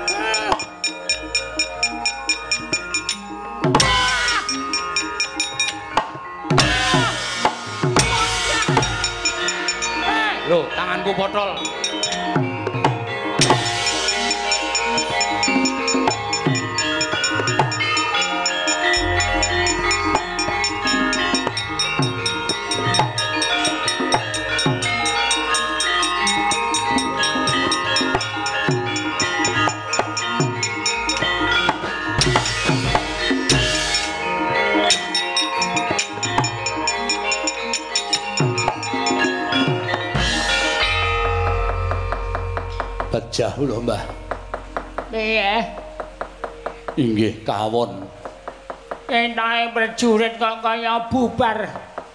Ora karo-karuan ketemu karo sapa. Kula rasa-rasa sing ki sing kurang gawean niku sinuwun Prabu Garatahana. Ya kok kurang gawean. Dawuh supaya mateni Pandhawa. Ning nyatane ketemu anak-anak Pandhawa we bubar ora karo-karuan prajurit. Ketemu sapa kowe? Naminipun Setyaki. Setyaki iki dudu anak Pandhawa. Kuwi wong Darawati. Kuwi adine Pandhawa. Mula nek kowe ngrasani Pandhawa kok karo Setyaki, kowe padha karo Sarahpati. Sebabe Setyaki iki wong seneng gelut. Setyaki iki bendina kuwi nek ora njotosi ndase wong, kuwi rasane ora marem. Ngaten. Heeh. Mula tangane cilik ning atose ra jamak. Ora mung tangane, suarane Setyaki iki ya atos. ngungkuli tangane. Inggih. Kula semanggahaken, Mbah. Mundur ana. Inggih. Wah. Mbah, Piye? kula ketemu kalih wong awake sisik. Kuwi anake Werkudara sing barep jenenge Antarja. Inggih. Heeh. Piye kowe? Gelut Antarja? Inggih.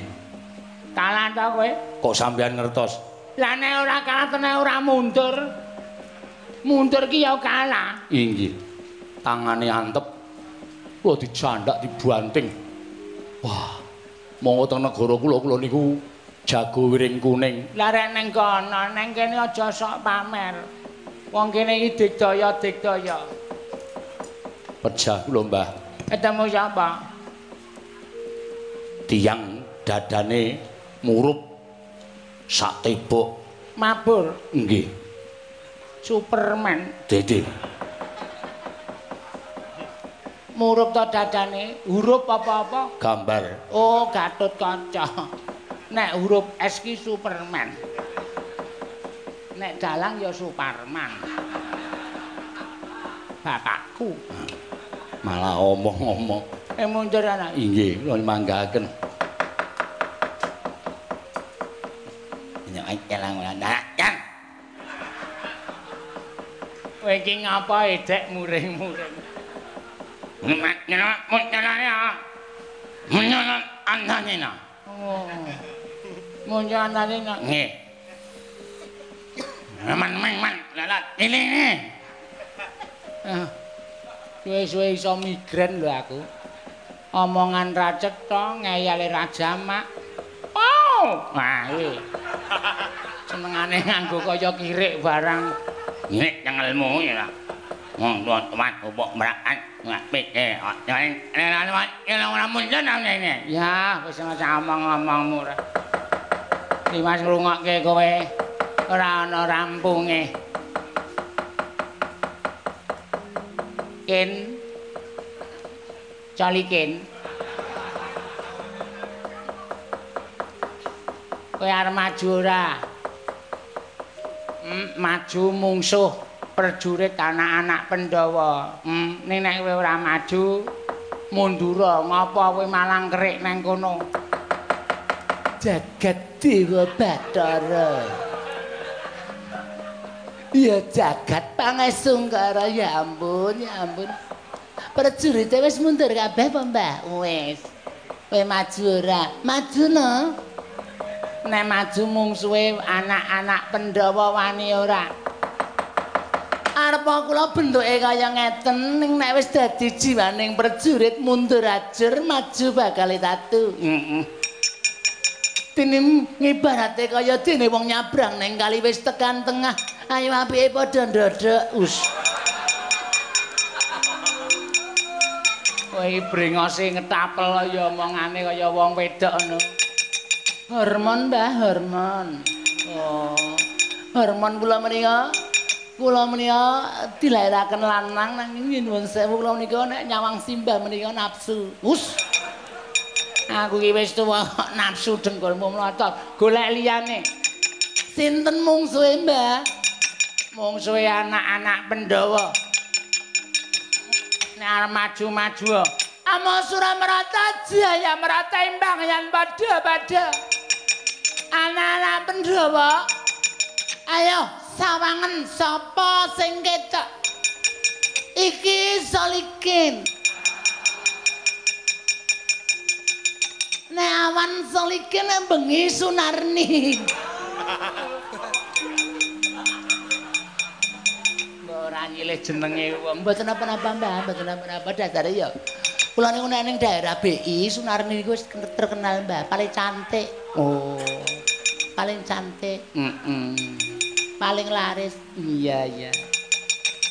Tak nyoba anak-anak Pandhawa cobanan ya. Ora mundur. Legane kaiku tak candhak. Bangkeamu tak nganake. Dadi apa wae legane atiku?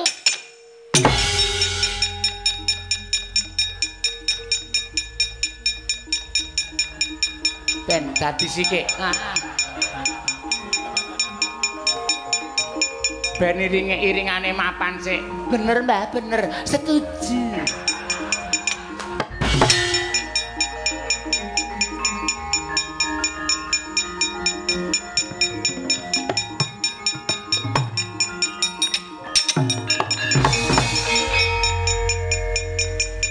Sama iki? Setyaki. Setyaki. Iya. Ya ampun, brengose padha aku. Iya. Kowe sapa? Solikin. Solikin kok suarane kaya ngono. Iki bengi, Mas. Aku Sunarni. Arep ngopo? Perang. Ayo mungsuh aku. Tenan? Iya. Yakin? Iya. Wani? Wani. Oke, Mas. 75 radinyang. 75 apane? 75 kena untu bali selawe.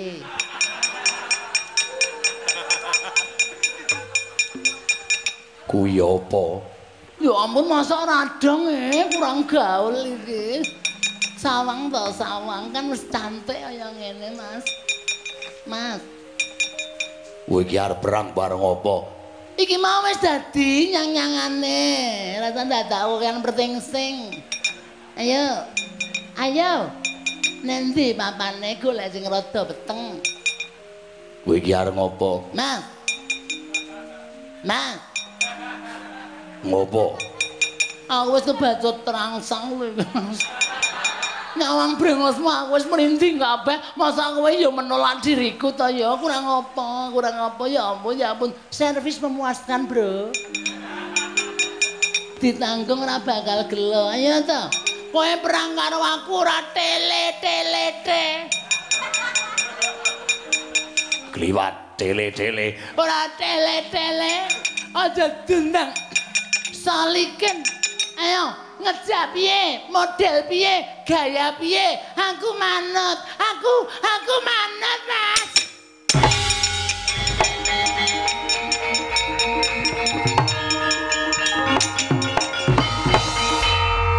Ya ampun, ya ampun. Apa aku kurang cantik? Apa aku kurang seksi? Benda-benda wis kedadian kok mesti melayu lho. Asem, asem. Hmm. Iya, iya golek konsumen liyane. Nek ora ngono masa udan gerji kaya ngene blas ra ana siji-siji ya. Anakku sik mangan apa? Aku sesuk le nyaur bang piye? Ayo Pandhawa kene sing padha kilaf mungsuh aku.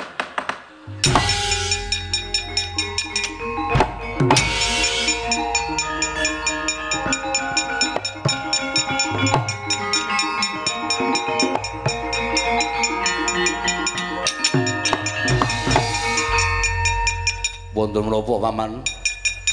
Kula mboten ajeng nderek perang. Sebabipun Mang Tenggo piyambak nggih. Ya ampun, aku paling suka pria bertato. Asemi model piye lho, tato iya sing apik, tato kok sisik. Sapa iki? Solikin, Wong lanang kok lambene dibengesi. biar cantik, Mas. Biar ketok menarik. Tampa, Mas? Antarja. Ya, ontorje. Iya.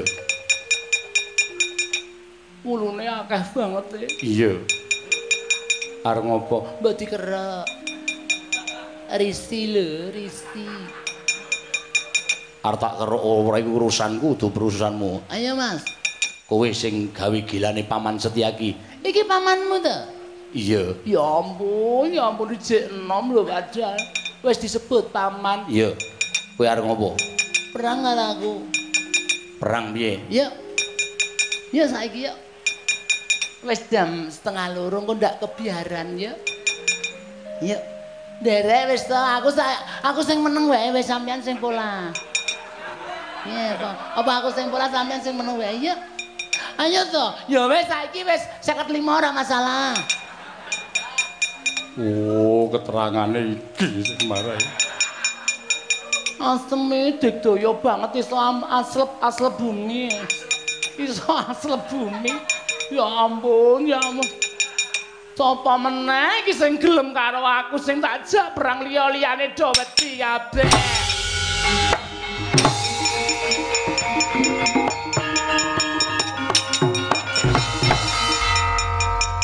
Mesti yo gila iki ketok rain-rainane ora tau wani royal.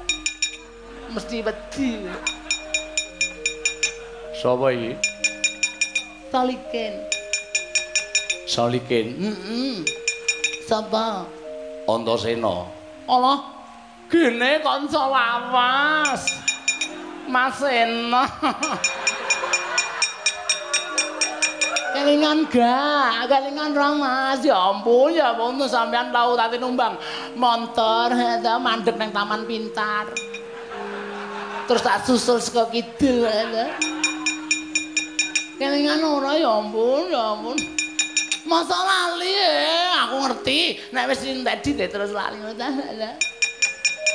Terus tak jejeri kowe numpak montor aku terus bonceng di standar ke loro. Iki mbiyen tangane nakal banget. Ora ngerti nek ming sumpelan ya diremet-remet. Kae kowe to. Heeh. Arep tak pateni. Hus. Masa kaya ngono ya ampun kejeme ra sama-sama masa dipateni aja dipateni dilangen dilangin tuping nggo dolanan. Kaya apa wae? Arep ngopo rene? Mungsu anak-anak Pandhawa tak rangket tak bondo tangane, le bondo tangane nang mburi. Iya. Terus tak ide-ide dadane. Tak demeki nggon weteng. Ya mbayang sing werna-werna lho, Mas. Aku mbayang sing ora-ora lho. Ya nek ora gelem bayangke Bali. Ora gelem Bali tak ajar ning kene. Masa kowe mentolo karo aku? Aku kan dudu lanang. Dudu lanang ning perjurit. Iya to? Hmm, Kowe mungsuh.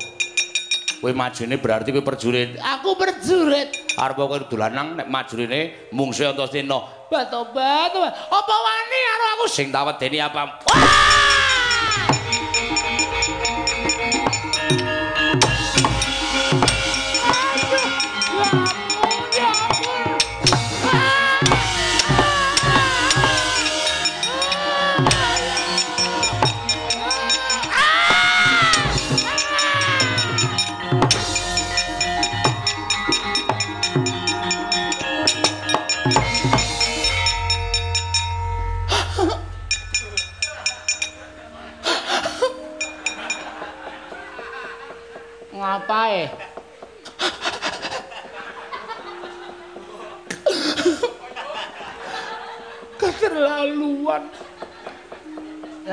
Prajurit maju kok mulih kok nangis ki ngapa?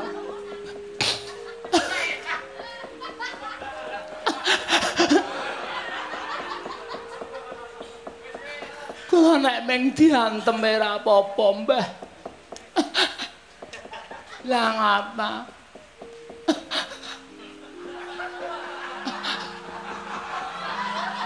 Wah. Awak dadi abuh kaya ngono. Ongko sena keterlaluan. Ya ampun, ya ampun. Dijebol sak gegem. Eh. Ya piye arang ya perang ki bebas kok.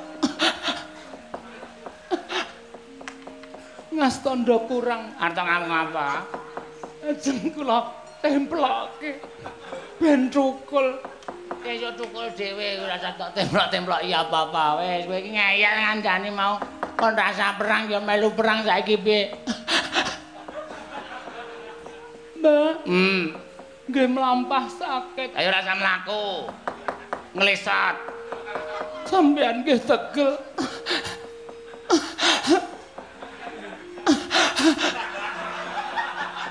Ayo le nangis kok tenanan. Wes, lemu nangis ki wes. Sakit, Mas, sakit. Sakit lahir, sakit batin.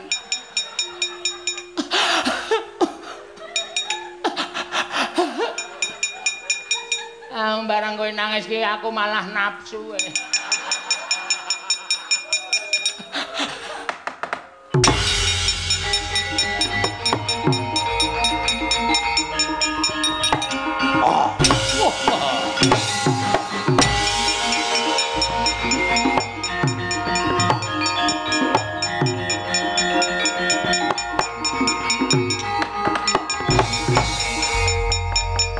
Prajuritku padha salang tunjang rebut dujung. Ora ana ingkang bisa menang. Oh anak-anak Pandhawa pancen digdaya sekti kalintang jayaning perang yo kewajibaning guru taun kudu iso ngrangket anak Pandhawa ngrangket karo Pandhawane. Anak-anak Pandhawa lena kaprayedanmu. Kowe tak lebokko ning kekuatanku ya jimatku kang aran kantong karumbo. Aja kok mung isi anak Pandhawa jagat wae mlebu marang kantong karumbo. Ah? Ah.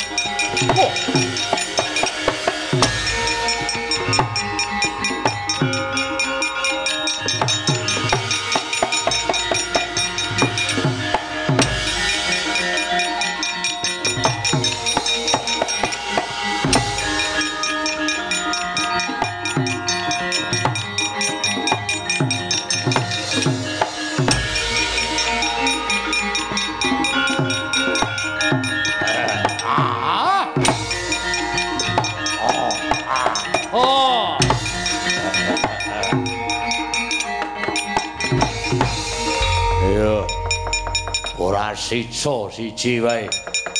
Kabeh anak-anak Pandhawa mlebu telenging kanthong karumba sapa mbelani bareng mati lekaning atiku. Ah.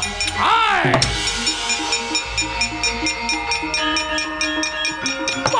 Dalanggungku karepe dhewe.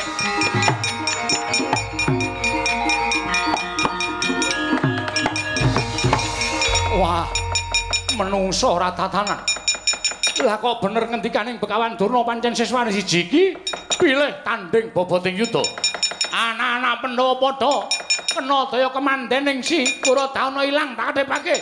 Eh, iki nata Mandura Prabu Baladewa. Gerangane sampun nangolisan keparat iblis lanang.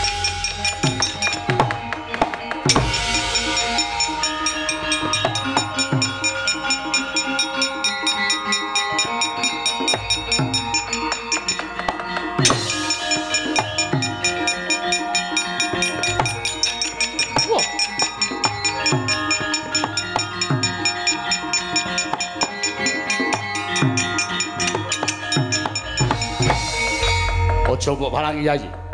Lah kok dadi si Adi prapta ana ing papan kene. Koko Prabu, kula ingkang sampun mangertos dhateng lampahan ingkang sampun lampah. Wiwit Koko Prabu rawuh merpeki dhateng para putra kula sampun mangertos. Lah si mapan ana ngendi? Kula aling-aling mega malang sampun ngantos kula dipun ngertosi dening para putra Pandhawa ngawat-awati dhateng polah slaganipun para putra Pandhawa. Yen ngono si Adi ngerti marang kananing para putra Pandhawa ingkang kalah marang jagoning wong Astina. Inggih. Buta aran Gorodahana. Ngibaratipun menika geni nedeng lagi mubal. Upami dipun siram mawi toya mboten saged sirep nanging malah saya mubal. Lah terus apa si Adi uga prisa menyang dilenggahi Prabu Punta sakadang. Pandhawa jare murca. Apa kira si Adi ngerti Koko Prabu? Upami kula ngertos kula mboten badhe ambabari dhateng paduka Kanjeng Koko Prabu. Kula mboten badhe caos punika dhateng paduka Kanjeng Koko Prabu. Lho. Lah kok ora tok wene ngerti? langkung prayogi menawi jengandika tut wuntat tindakipun ingkang rayi. Nendi? Sampun to? Nderek mboten? Yo, aku melu. Lah anak-anak Pandhawa mangke wonten cariyosipun piyambak kok Prabu.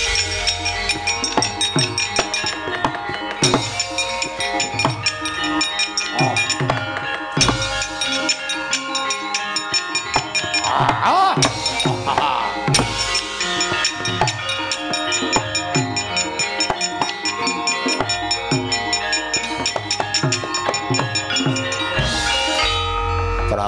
Baladewa. Ora pangling bareng karo Ratu Ndarawati ninggal pabaratan. Ya yen ngono negara Ngamarta kumplang blayune Baladewa lan Kresna dadi titikan nggonku bakal ketemu karo para Pandhawa oh tawat-tawatan isko kadoan ngendi ketemu para Pandhawa ora bakal aku nganggo taliwara mesti bakal tak untapake nyawaning para Pandhawa. Ya, aja ado-ado karo aku kowe Kresna Baladewa. Oh.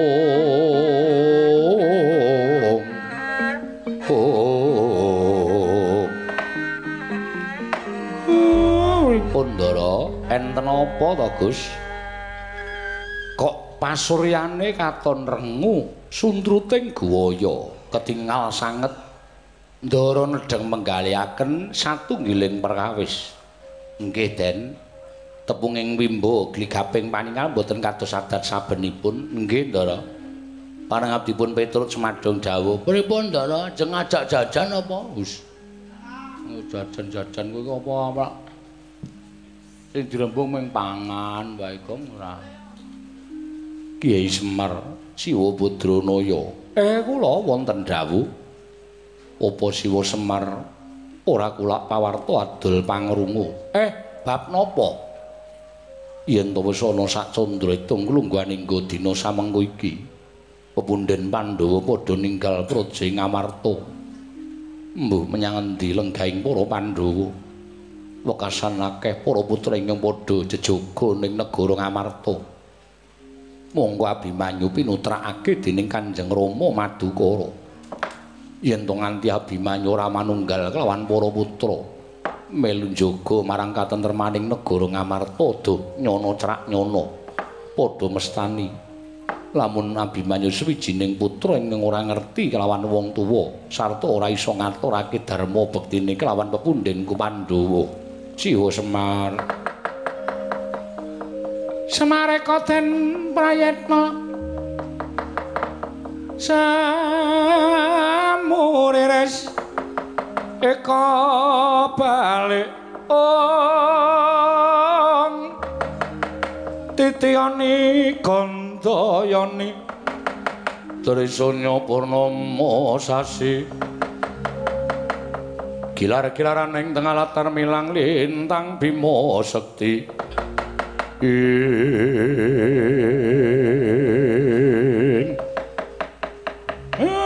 lah kersane.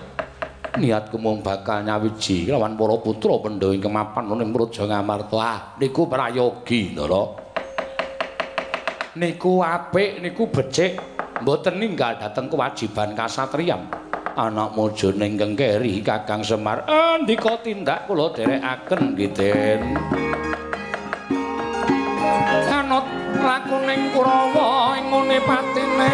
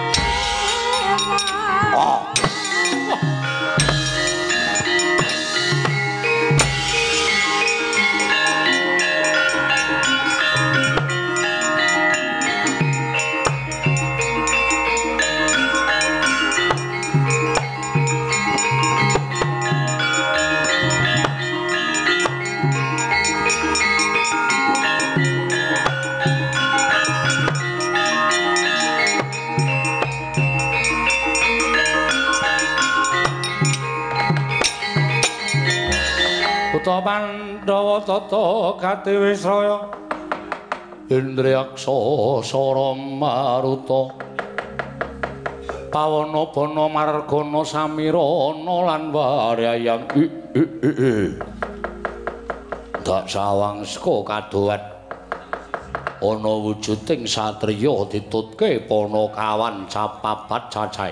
Oh, ora bangling iki anut tumbya ingkang padha ngrasani yen to anak madukara aran Raden Abimanyu ora bakal gawe macak ah?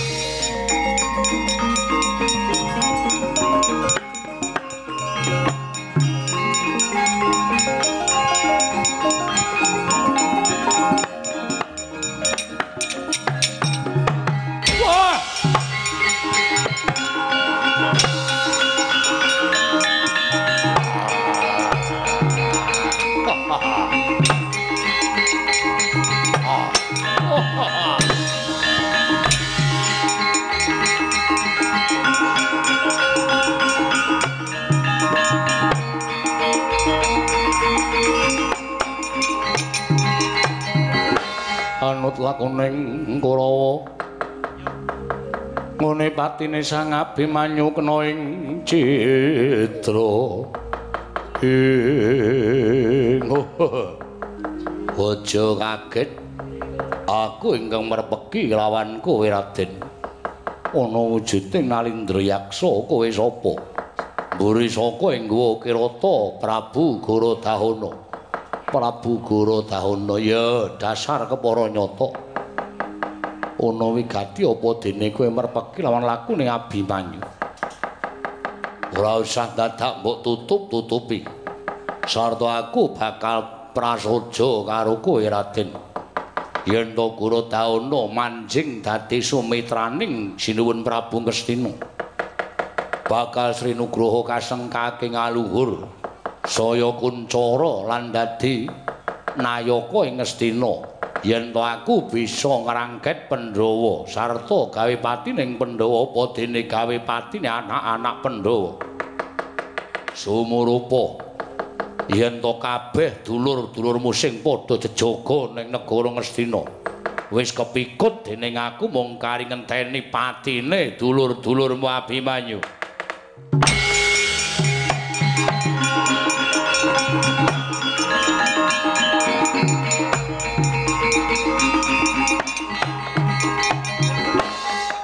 kagiat risang kapirang rinangkul. Rinangkul kinembet kembet dosang ngerknaning bawono. Ing gugu karepe dewi yen to pancen kaya mengkono gagi. Babarno pisan abimanyu utang nyawa nyaur nyawa. Utang loro nyaur loro dulur-dulurku ora mbok luwari saka pakunjaran aja takon dosa. Jaluk mati cara kowe tak sembadani kowe Kurodahana. Wah, gaglak limpamu. Ah.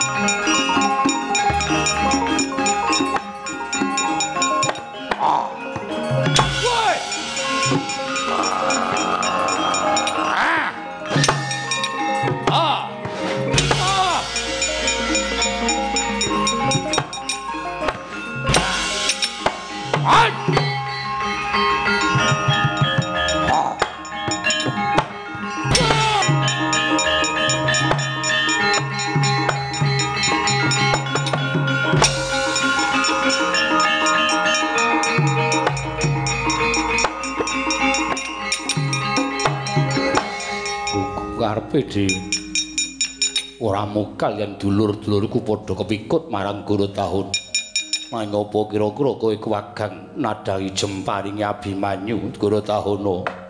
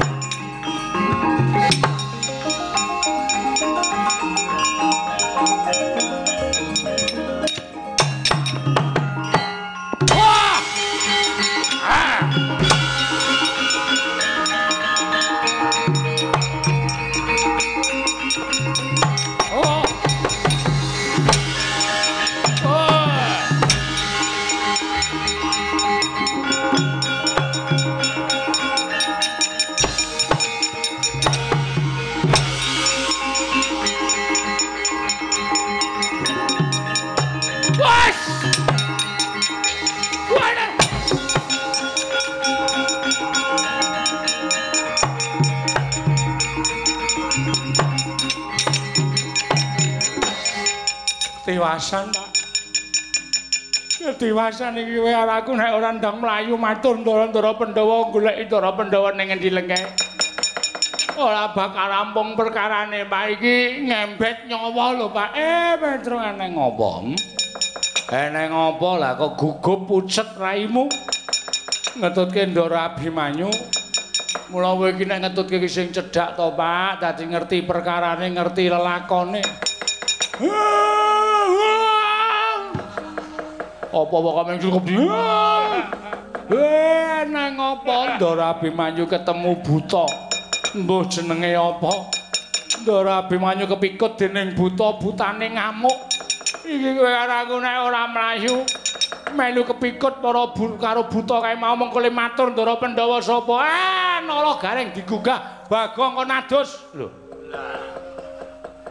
Kok Bagong kon adus? Eh, Bagong lagi adus kon gak wis ayo dem mlayu sing adoh ya, Pak ya. Ayo.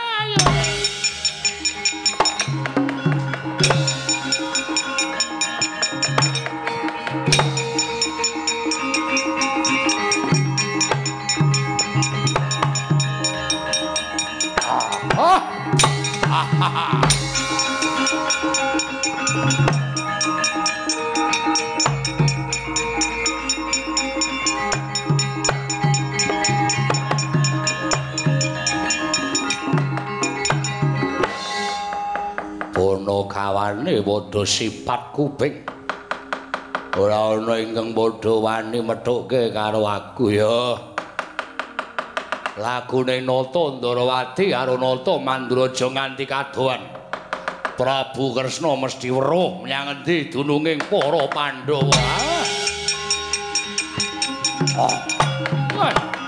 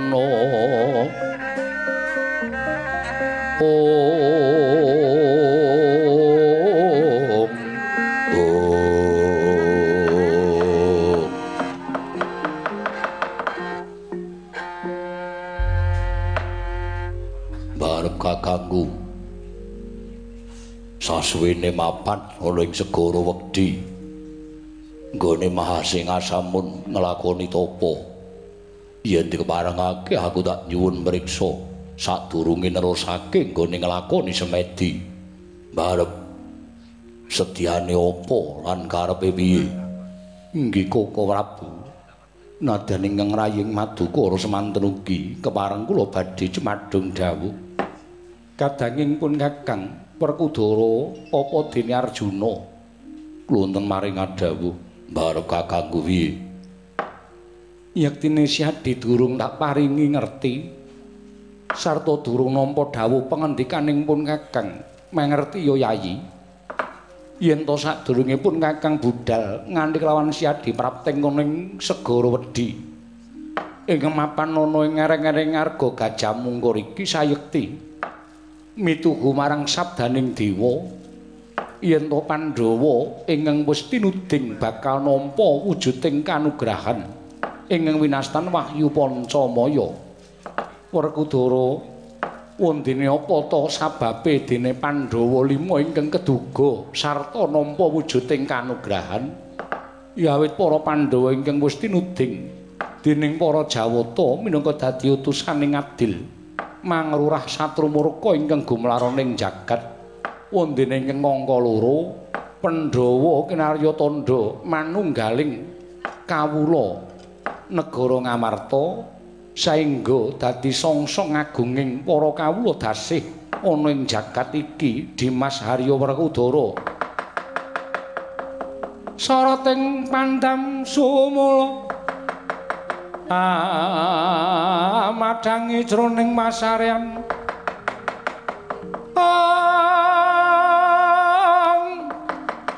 Ngenangi wadana katon remu-remu kalingan ngangreng. Sang diamanah engkung sumungkem kuling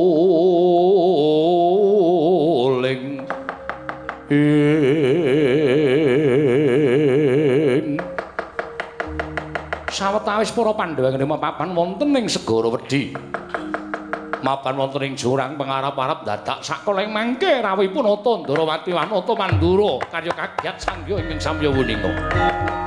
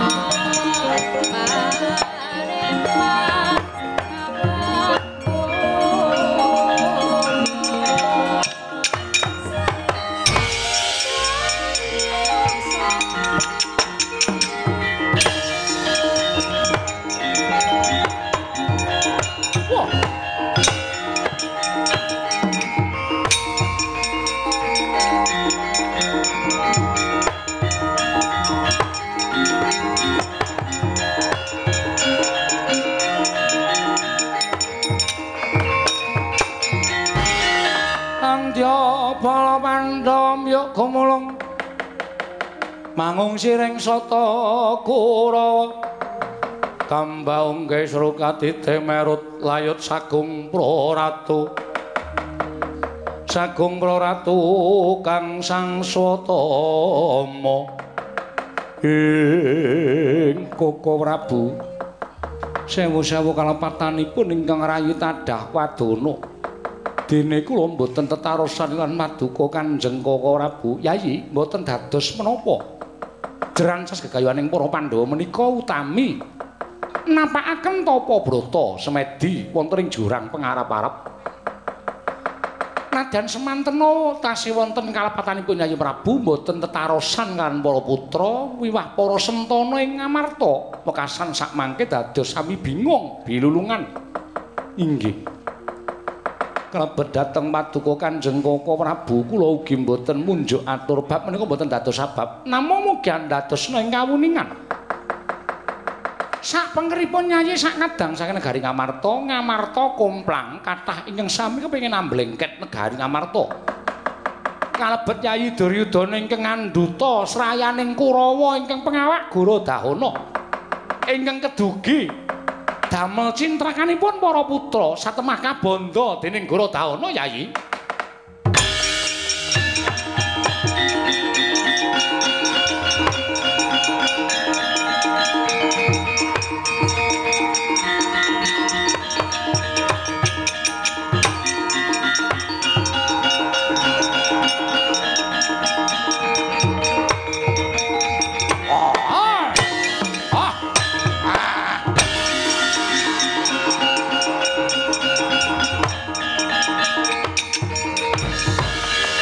Pandhawa tata kate Wisraya. Indriyaksa Sara Maruta Pawana Bana Margana.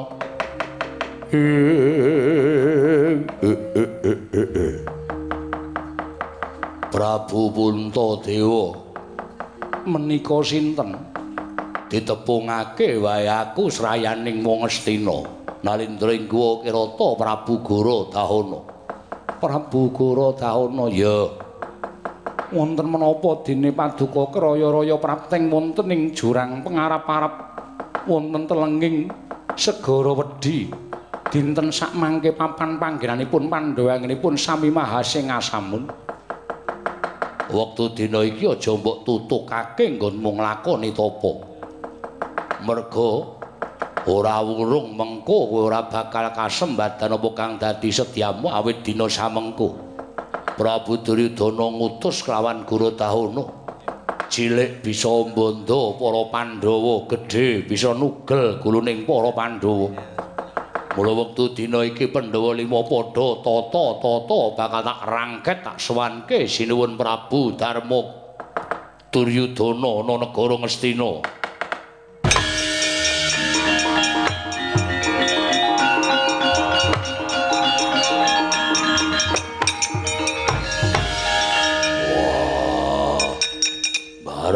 Kakangku Lilanana tak jangkae Gorodahana.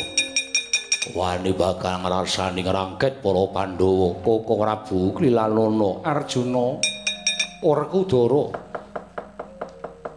wong kang nglakoni tapa brata wong kang nglakoni prihatin yekti kudu gedhe.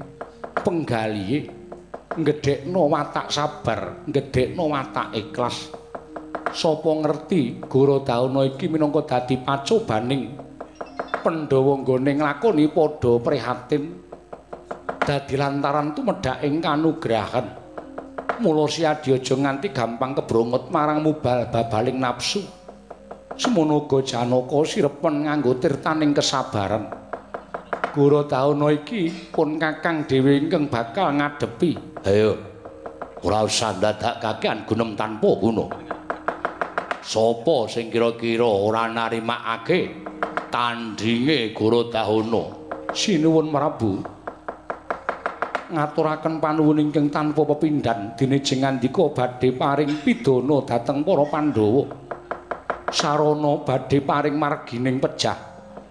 Para Pandhawanipun mapan wonten telenging jurang pengarap-arep Jer wonten pundi purukipun tiang gesang menika namung badhe anggayuh mati ingkang sampurna. Kamangka panjenengan sagah nguntapaken pejaipun para Pandhawa teges patining para Pandhawa sakmangke ugi badhe manjing pejah ingkang sampurna. Namung saderengipun sinuwun Prabu Gandeng kula minangka dados tetuangganing para Pandhawa kula ngaturaken genging panuwun ingkang tanpa pepindhan dene jengandika Sang Nata Prabu Gurudawana ingkang dadi lantaran pejahing para Pandhawa. Mugi-mugi sakmangke Pandhawa pikantuk margi ingkang padhang anggenipun badhe sowan ngersanipun Wang Mahanasa saha sampun dipun cawisaken swarga dening Wang Mahamanon. Ateges jengandika sampun mulyakaken dhateng gesangipun para Pandhawa. Kados menapa ta nikmating gesang wonten ing jagat menika boten wonten sak glugut kolang-kaling menawi katanding nikmat mapan wonten ing kasuwargan.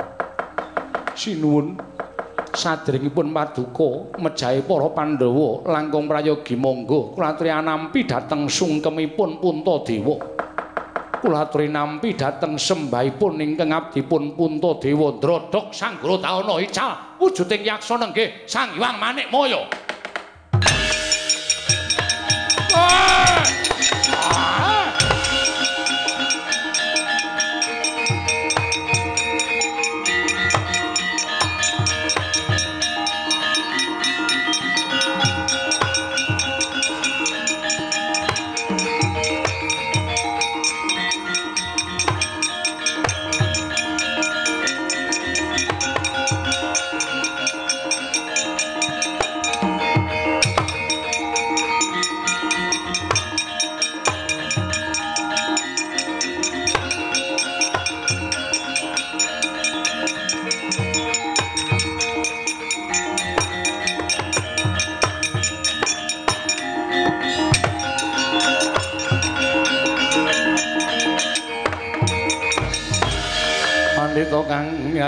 Sit pindha kumbang Angat saping madu sarining tawang susuh angin ngendi nggone.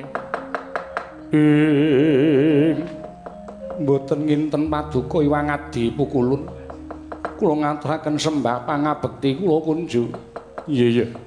Dharma Kusuma Uluntampa Pukulun ngaturaken sembah pangabekti kula kunju. Kresna Uluntampa Pukulun. Ngaturaken sembah pangabekti kula kunju. Baladewa Uluntampa. Guru hakeku aku aturke sembah. Iya ya Werkudara pukulun aturaken sembah. Pandhawa, Kresna, Baladewa kabeh lancur-lancur Pandhawa. Padha sumrupa. Sayekti ulun mimba wujuding yaksa nampa dawuh timbalaning Sang Asih Prana. Kinenodi marang kekuataning Pandhawa nggone bakal nglakoni tapa ana ing telenging jurang pengarap-arep. Jebul tinemuni apa ingkang kita lakoni tetek tangguh lan tanggun.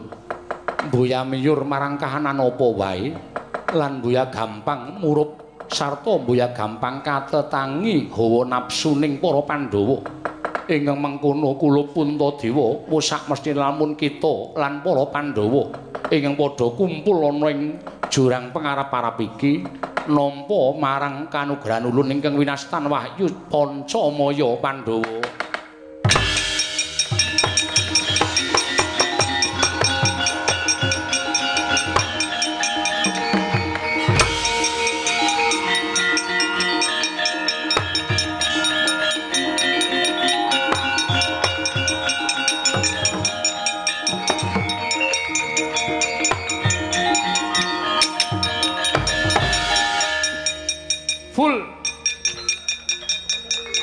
Duduk full ora ana nggon meneh. Lamit lamit teng mriki petro ora edan aku ratu. Oh yo. Ngono kula niku yo abdi. Abdi arep apa tekan kene? Matur ngaturaken duta pengawung. Lho duta kongkonan penglawung rajapati sapa sing tekaning pati? Ndara abimanyu. Wah kalah karo gorodana iki sapa iki? Lho kok iso nang kene? Kok iso nang kene? Mula ki sesuk meneh iki ora mampir cakruk micek. Ya Pak, kowe iki mau tak jak mlayu mampir cakruk turu barang. Ha iki lakone wis rampung ngene piye? Matur ning sing diaturi wis lenggah ning kene iki. Wah, isen. Petruk ngapa ning ngono kuwi, Pak? Duh. Ki lurah kula menika nadyan awon-awon pendhita. Ora bubuti rambutmu meneng. Iya. Eh kono mlaku-mlaku sik tu sia kono. Pot anu cucul iket sik kono ndisiki kanca-kanca.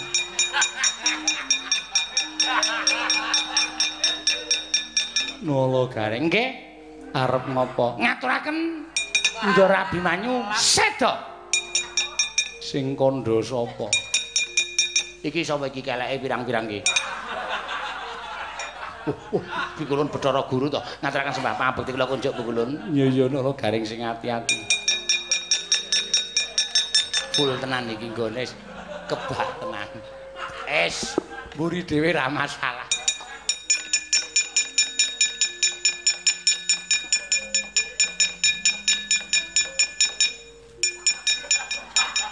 Bagong wong edan Kakang Semar Bagong ki mbok sok diwarai tata krama.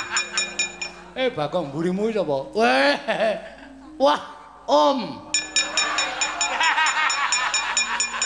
Sorry dek minggu aku ora neng kayang. Ayo memuda-mudi ki ana piknik dhewe dadi aku ora iso piknik neng kayangan. Aku biasanya ra sok pamit to. Bathara guru ki aku nek nang kono ki nek nyeluk Om. Aku nek piknik neng kayangan ngono kae lho. Semar, Kakang Semar iki piye kok kaya Bakong wedan iki Bathara guru kok anggepe kok karo kancane piye? Ye. Ngopi. Dong ora edan. Iki dong apa iki? kono kawan Bagong iki mau Pandhawa entuk wahyu. Lho, jare anake lara. Iya. Kairak wahyu sinden. Aniki wayu no. Wahyu Pancamaya. Oh, ah. ora ngerti kok. Lho, Tru. Hmm. Ndara Abimanyu aja udah.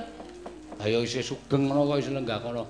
Malah ana Ndara Gatotkaca, Ndara Antarja, Ndara Setyaki. Kowe kae mbledhe kae Kapimendo, mendo dasmu kuwi. Oh, nara gareng to tak kira Kapimendo. Ngawur ora senengane. Muga-muga Pandhawa tansah anjayeng bawana. Pandhawa tetepa dadi songsong pepayunging para kawula. Pandhawa tetepa dadi kamanunggaling jagat ngamarta yen bisa jagat saisine Puntadewa.